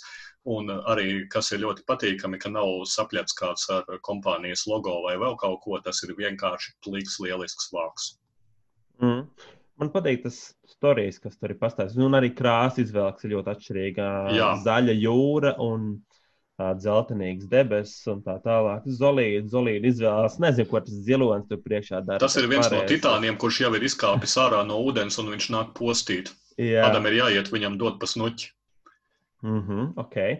Man trešā vieta ir uh, spēle, kas ir Tom kolekcijā, bet es spēlēju, un man ārkārtīgi patīk. Gan spēle, gan vārks, tā ir Coimbra ar pavisam atšķirīgu un interesantu dizainu, kur ir int, uh, tādā ļoti saudabīgā stilā uzzīmēta pilsēta, ostas pilsēta, kas ir šī ir vai ne, spēles nosaukumā, un tāpat tās divi neizteiksmīgi vīri augšā, kas, uh, es cik pareizi saprotu, ir dizaineri savā veidā kāds. Uh, Um, dizaineru veidošana, uh, dizaineru parodijas stilā un tā tālāk kariģējums. Un jā, viņi ir atšķirīgi, viņi ir krāšņā un savā veidā arī ļoti labi pastāstīs, ko darīs spēlē un pastāstīs, kāds būs tas dizains. Viens no lielākajiem mīnusiem Ja, piemēram, spēlē Otis, ir pavisam citādāk dizains uz kastes nekā pats spēles saturs. Coimbrā tas tā nav. Viņš visam mm. izgājis cauri starp burtiem, mākonīši un ļoti stilīgi. Te mēs bijām ļoti tuvu tā saucamajam crossoveram. Ja, Coimbra. Coimbru man bija ļoti sāpīgi izmest Coimbru ārā no pieminēšanas vērtējiem jau tur. Nu, viņa bija ļoti tuvu visu laiku rotēja ap šiem te, kad es spriedu. E, tas, kas man nobīdīja no Coimbras, man nepatīk Coimbrā cilvēku atveidojums. Un tā kā tie divi ģīmi, ko tu Kristap pieminēja, tur uz tā vāka bija, tad Coimbra tur netika, bet, bet eh, manā topā, bet idejiski es pilnīgi piekrītu visam, ko Kristaps teica. Mm. Tad eh, šī te krāšņais eiro dizains, tas ir tieši tas, ko es sagaidu no eiro spēlēm. Nevis mūžīgo dzeltenīgi brūno, ja, vai, vai Kāsls un Purgundī veidīgo ar pilīm, bet, bet kaut ko krāsainu, košu dzīvu. Un Coimbra ir spēle, kas pilnīgi brēc eh, prasa pēc spēlē mani. Es esmu koši oranža oh, un pamanāma. O, jā, ir tik stilīgi uztaisīt uztaisīt. Mm. Mm. Labi, e, mana otrā vieta ir laikam beidzot pilnīgi oficiāli pirmā reize, kas manos topos atkārtojas, bet nu, šis ar skaistāko vāku īsti mēs nesaucam tā par atkārtošanos, un es domāju, ka visi man piedos. Tas ir 1754 Conquest, The French and Indian War spēle, kura mums bija Kristīnes topā, un uh, French and Indian War ir Academy Games izdevums par uh, šo te 18. gadsimta vidus uh, kaujām Amerikā. Un uh, vāks ir veidots uh, savā ziņā pasteļu mm -hmm. toņos un tieši kā krāsojums ar krītiņiem. Un šī ir tuvākā spēle, ko es liktu, tuvākais vāks, ko es liktu pie sienas kā gleznu, lai arī divi ļoti, ļoti biedējoši indiāņu kungi pašā vāka vidū, bet tieši skatoties fonā šie te karavīri, kas lēnām saplūst ar vidi, ar kokiem, ja, un arī tiem pašiem indiāņiem apkārt ir apauguši jau augi. Tas ir šis vārds, manuprāt, ir mazliet kā mākslas darbs, kā, teiksim, varbūt ne mākslas darbs pasaules slavena mākslinieki, jo tie parasti atvainojiet, bet klasno riktīgus sūdus, ja, bet tādas labas Latvijas Mākslas akadēmijas studentes trešais kursa darbs, ja, piemēram, varētu Jā, būt. Ja purvītis nedzīvot, nedzīmētu koks, viņš varētu uzzīmēt indijāņus. Jā, purvītis šādu varētu uzzīmēt un būtu tiešām varētu teikt, jā, nu, tieši tā indiāņu vietā varētu būt latviešu salmu cepurēm, bet principā e, es teiktu tiešām simpātisks un arī izmantotās krāsas zaļā, sarkanā, viss ir dzīvi un, un, un, un es pats negaidīju veidojot šo topu, ka šī spēle tur nonāks un tik augstu. Jā, es piekrītu tam izvēlē. Plus, uh, manuprāt, šī sērijā ir labākais dizains, ir noteikti labāks par vikingiem un arī par otru Amerikas karu. 1775. Jā. Mm. jā, un tas, kas man patīk šeit, šī dizainā, ir tas, ka viņš arī labi pastāsta. Tas ir uh, Franči pret Britiem, bet tajā pašā laikā Indiāņiem tur ir liela nozīme. Pat vidu ir mm. indiāņi, kas tam savā ziņā cieši, gan arī ļoti daudz to ietekmē un tā tālāk. Laba, laba izvēle. Ok, bet viena lieta, to, kas indiāņiem arī bija būtiska, un man otrā lieta ir noteikti bija būtiski koki. Man otrā vieta ir fotosintēzes vāks, mm -hmm. kur ir iecentrēts viens koks, kas ir maziņš, uh, maziņš kociņš ar milzīgiem baobabiem, un tas vāks ir padomāts, viņš ir super tīrs, super zaļš ar super gaismu pielietojums. Un viņam ir ļoti interesanti arī fonti, kas ir, ir izveidots mirdzošo, mirdzošo efektu. Nozīmē, ka skatoties, viņš atstaro tas fotosintēzes uzraksts kā tāds, un tur visi pārdomās līdz niansēm. Un arī tas, kas to man nepatīk, ir Blue Orange logo šeit tīri labi apakšā iedarā. Viņš galīgi netraucē. Es tam citu mm. iespējams netraucē, tāpēc, ka tas ir izveidots tāds pats kā puķes blakus uh, uz vāka. Ir tādas arī zilas puķes un jā, jā, jā, jā. ar oranžu vidiņu. Ir piedomāts noteikti. Mm. Nu, ļoti, ļoti, ļoti labi arī pastāstīt, kas notiek spēlē, un arī tā atšķirīgi. Un tu parādi to spēles tīrumu kā tādu. Mm, ok, nu un tad nāk pats labākais vārks, un te būs vēl viens trieciens visiem spēļu cienītājiem. Man, es jau jau iesāku ar Monbasu, un es pabeigšu ar uh, sitienu no labās pa aperkots nāk pa žokli tieši precīzi, ja? un tas ir Nusfjords. Ko? Jā, tas ir Uves Rozenberga Lukauts špīle produkts tieši tā, bet tajā vākā ir kaut kas uh, apbrīnojami fenomenāls. Tur un, ir māja. jā, nē, tur ir daudz mājas. Ir tur ir idilliskais šis te Norvēģijas ziemeļu fjordu ciematiņš, bet izmantotās krāsas un tas, kā viņi parāda, arī tas pats, ko es vienmēr saku par detaļām. Tur ir redzami zvejnieki uz piestātnes. Uh, šiem de, dekiem un, un, un, un, un kuģi. Un kas vēl ir interesanti, tiem, kas eh, kādreiz pēta boardgame geekā, ja paklikšķina uz priekšu, tad var redzēt, ka kastē uz malas tas iet tālāk eh, tā bilde. Respektīvi, kastē ir glabājama plauktā vertikāli ar malu, un tā bilde ir turpinājums, kas ir uz malas tam turpinājumam, kas ir kastes priekšpusē. Ja? Uh -huh. vākam. Un e, kaut kas visā šajā tātad izmantotās krāsas un tas dzīvīgums, atkal te ir tas, ko es saku, ka eiro spēli var uztaisīt dzīvīgu. Diemžēl viņiem tas nav izdevies iekšā spēlē tikpat labi, bet nu, vismaz uz vāka jau pirmais solis ir spērts. Eiro spēli var uztaisīt krāsainu, piesaistošu un dzīvīgu. Un kaut kas tajos fjordos ir. Nu, es no savā topā izņēmu ļoti ātri visas spēles, kur tie nogrieztie gali vienkārši zilu pleķi un apakšā pleķi. Mm. Tas man viss. Uh, nu, es tos galus uztveru. Nepatika. Tas ir tāpat, kā tu skaties televizorā Blu-ray filmu, tev tāpat nogriež augšu un apakšu, un tu skaties to pišķiņu šaurāku. Šeit arī tā krāsa, kas ir izmantota apakšā un augšā, ja, tā ļauj uzrakstīt nosaukumu dizaineri un uzlikt stulbo Meifāra logo ar kaut kādu nesaprotamu ciparu, ja, kurš vispār mm. tam nav vajadzīgs vajadzīgs. Bet eh, tas netraucē vismaz bildē. Ja bilde būtu izstiepta pa visu, tad tas jau traucētu bildē. Tad iznāktu, ka burti ir pa virsmu kalnam, ja, un, un, un, un nezinu, Mayfair logo ir pa pus, nu, pusē no kuģa virsū, piemēram. Ja. Mm -hmm. Labāk tad, lai ir šādi, nevis uh, ķepējam pilnā, iz, izstiepjam pa pilno un tad rakstām virsū visu. Jā, ar šo es nebūtu gaidījis kā pirmo, kā pirmo izvēli, bet uh, pamatojot, uh, var tur kaut ko atrast viennozīmīgi. Ok, bet uh, man numur viens ir uh, spēle, kuras mazliet šmaucos. Un tā ir spēle, kas ir Inis vai Inišs. Un, lai gan man ļoti patīk arī vecais dizains ar to dāmu, un patiesībā man patīk abi, abas kases dizaini, gan pirmā edition, gan second edition. Es spēlēju tikai pirmo edition, ar kur ir karavīgā kundze.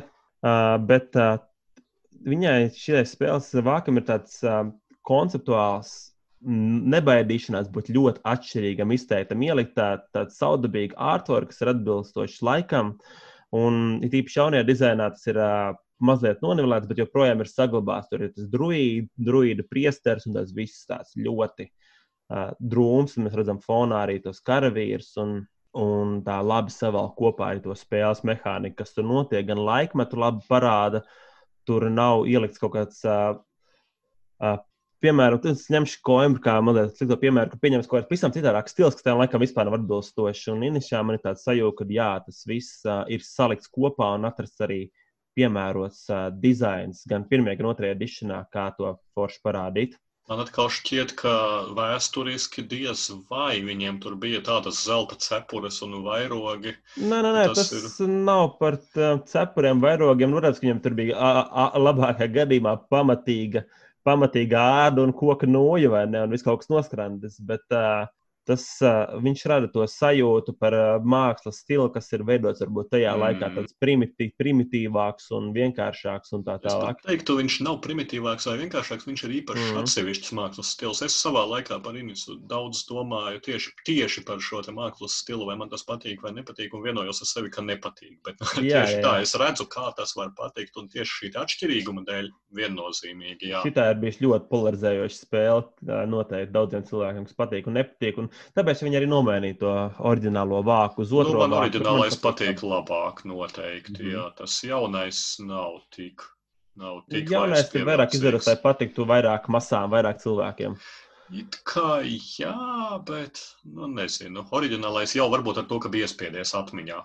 Varbūt. Mm -hmm. Ok, nu. jā, nu, tagad jūs zināt visas labākās, lieliskākās spēles, un mums ir gandrīz crossoveri Mysteriums un Coimbra. Ja, tā kaut kur tomēr domas sakrīt. Jā, Šoreiz bija tuvu, bet joprojām bez crossoveriem. Vēl projām turamies bez. Nu, es esmu nokrosojis ar citu savu epizodi. Jā, tas gan. jā, nu, tas jau, tas jau neskaidrs. tas ir neizbēgami. Tāpat kādreiz tas notiks. Ok, jā, nu, es domāju, ka gan esam uh, viens otram jauki laiku pavadījuši, un arī pārējiem. Jā, liels paldies! Un... Es noteikti redzēšu sapnī skorpions un mūmiju šovakar. Jā, šaubu. Es, biju, es domāju, ja tu prasītu, visvairāk es domāju, baidījos, ja tu prasītu, vai tur ir zombija, ko man teikt, jo nu, mūmija tā kā īsti neiedaras, bet principā iedaras. Jā. Es, man liekas, man būtu palīdzis būt minējis reliģiju kaut ko. Jā, varbūt. Bet ok, jā, lai Kristaps iet gulēt un domā, ko viņš varēja minēt labāk. Un okay. visi pārējie turieties un sazināmies tālāk. Tā, sazināmies tā, tā. jūnijā. Tā, tā.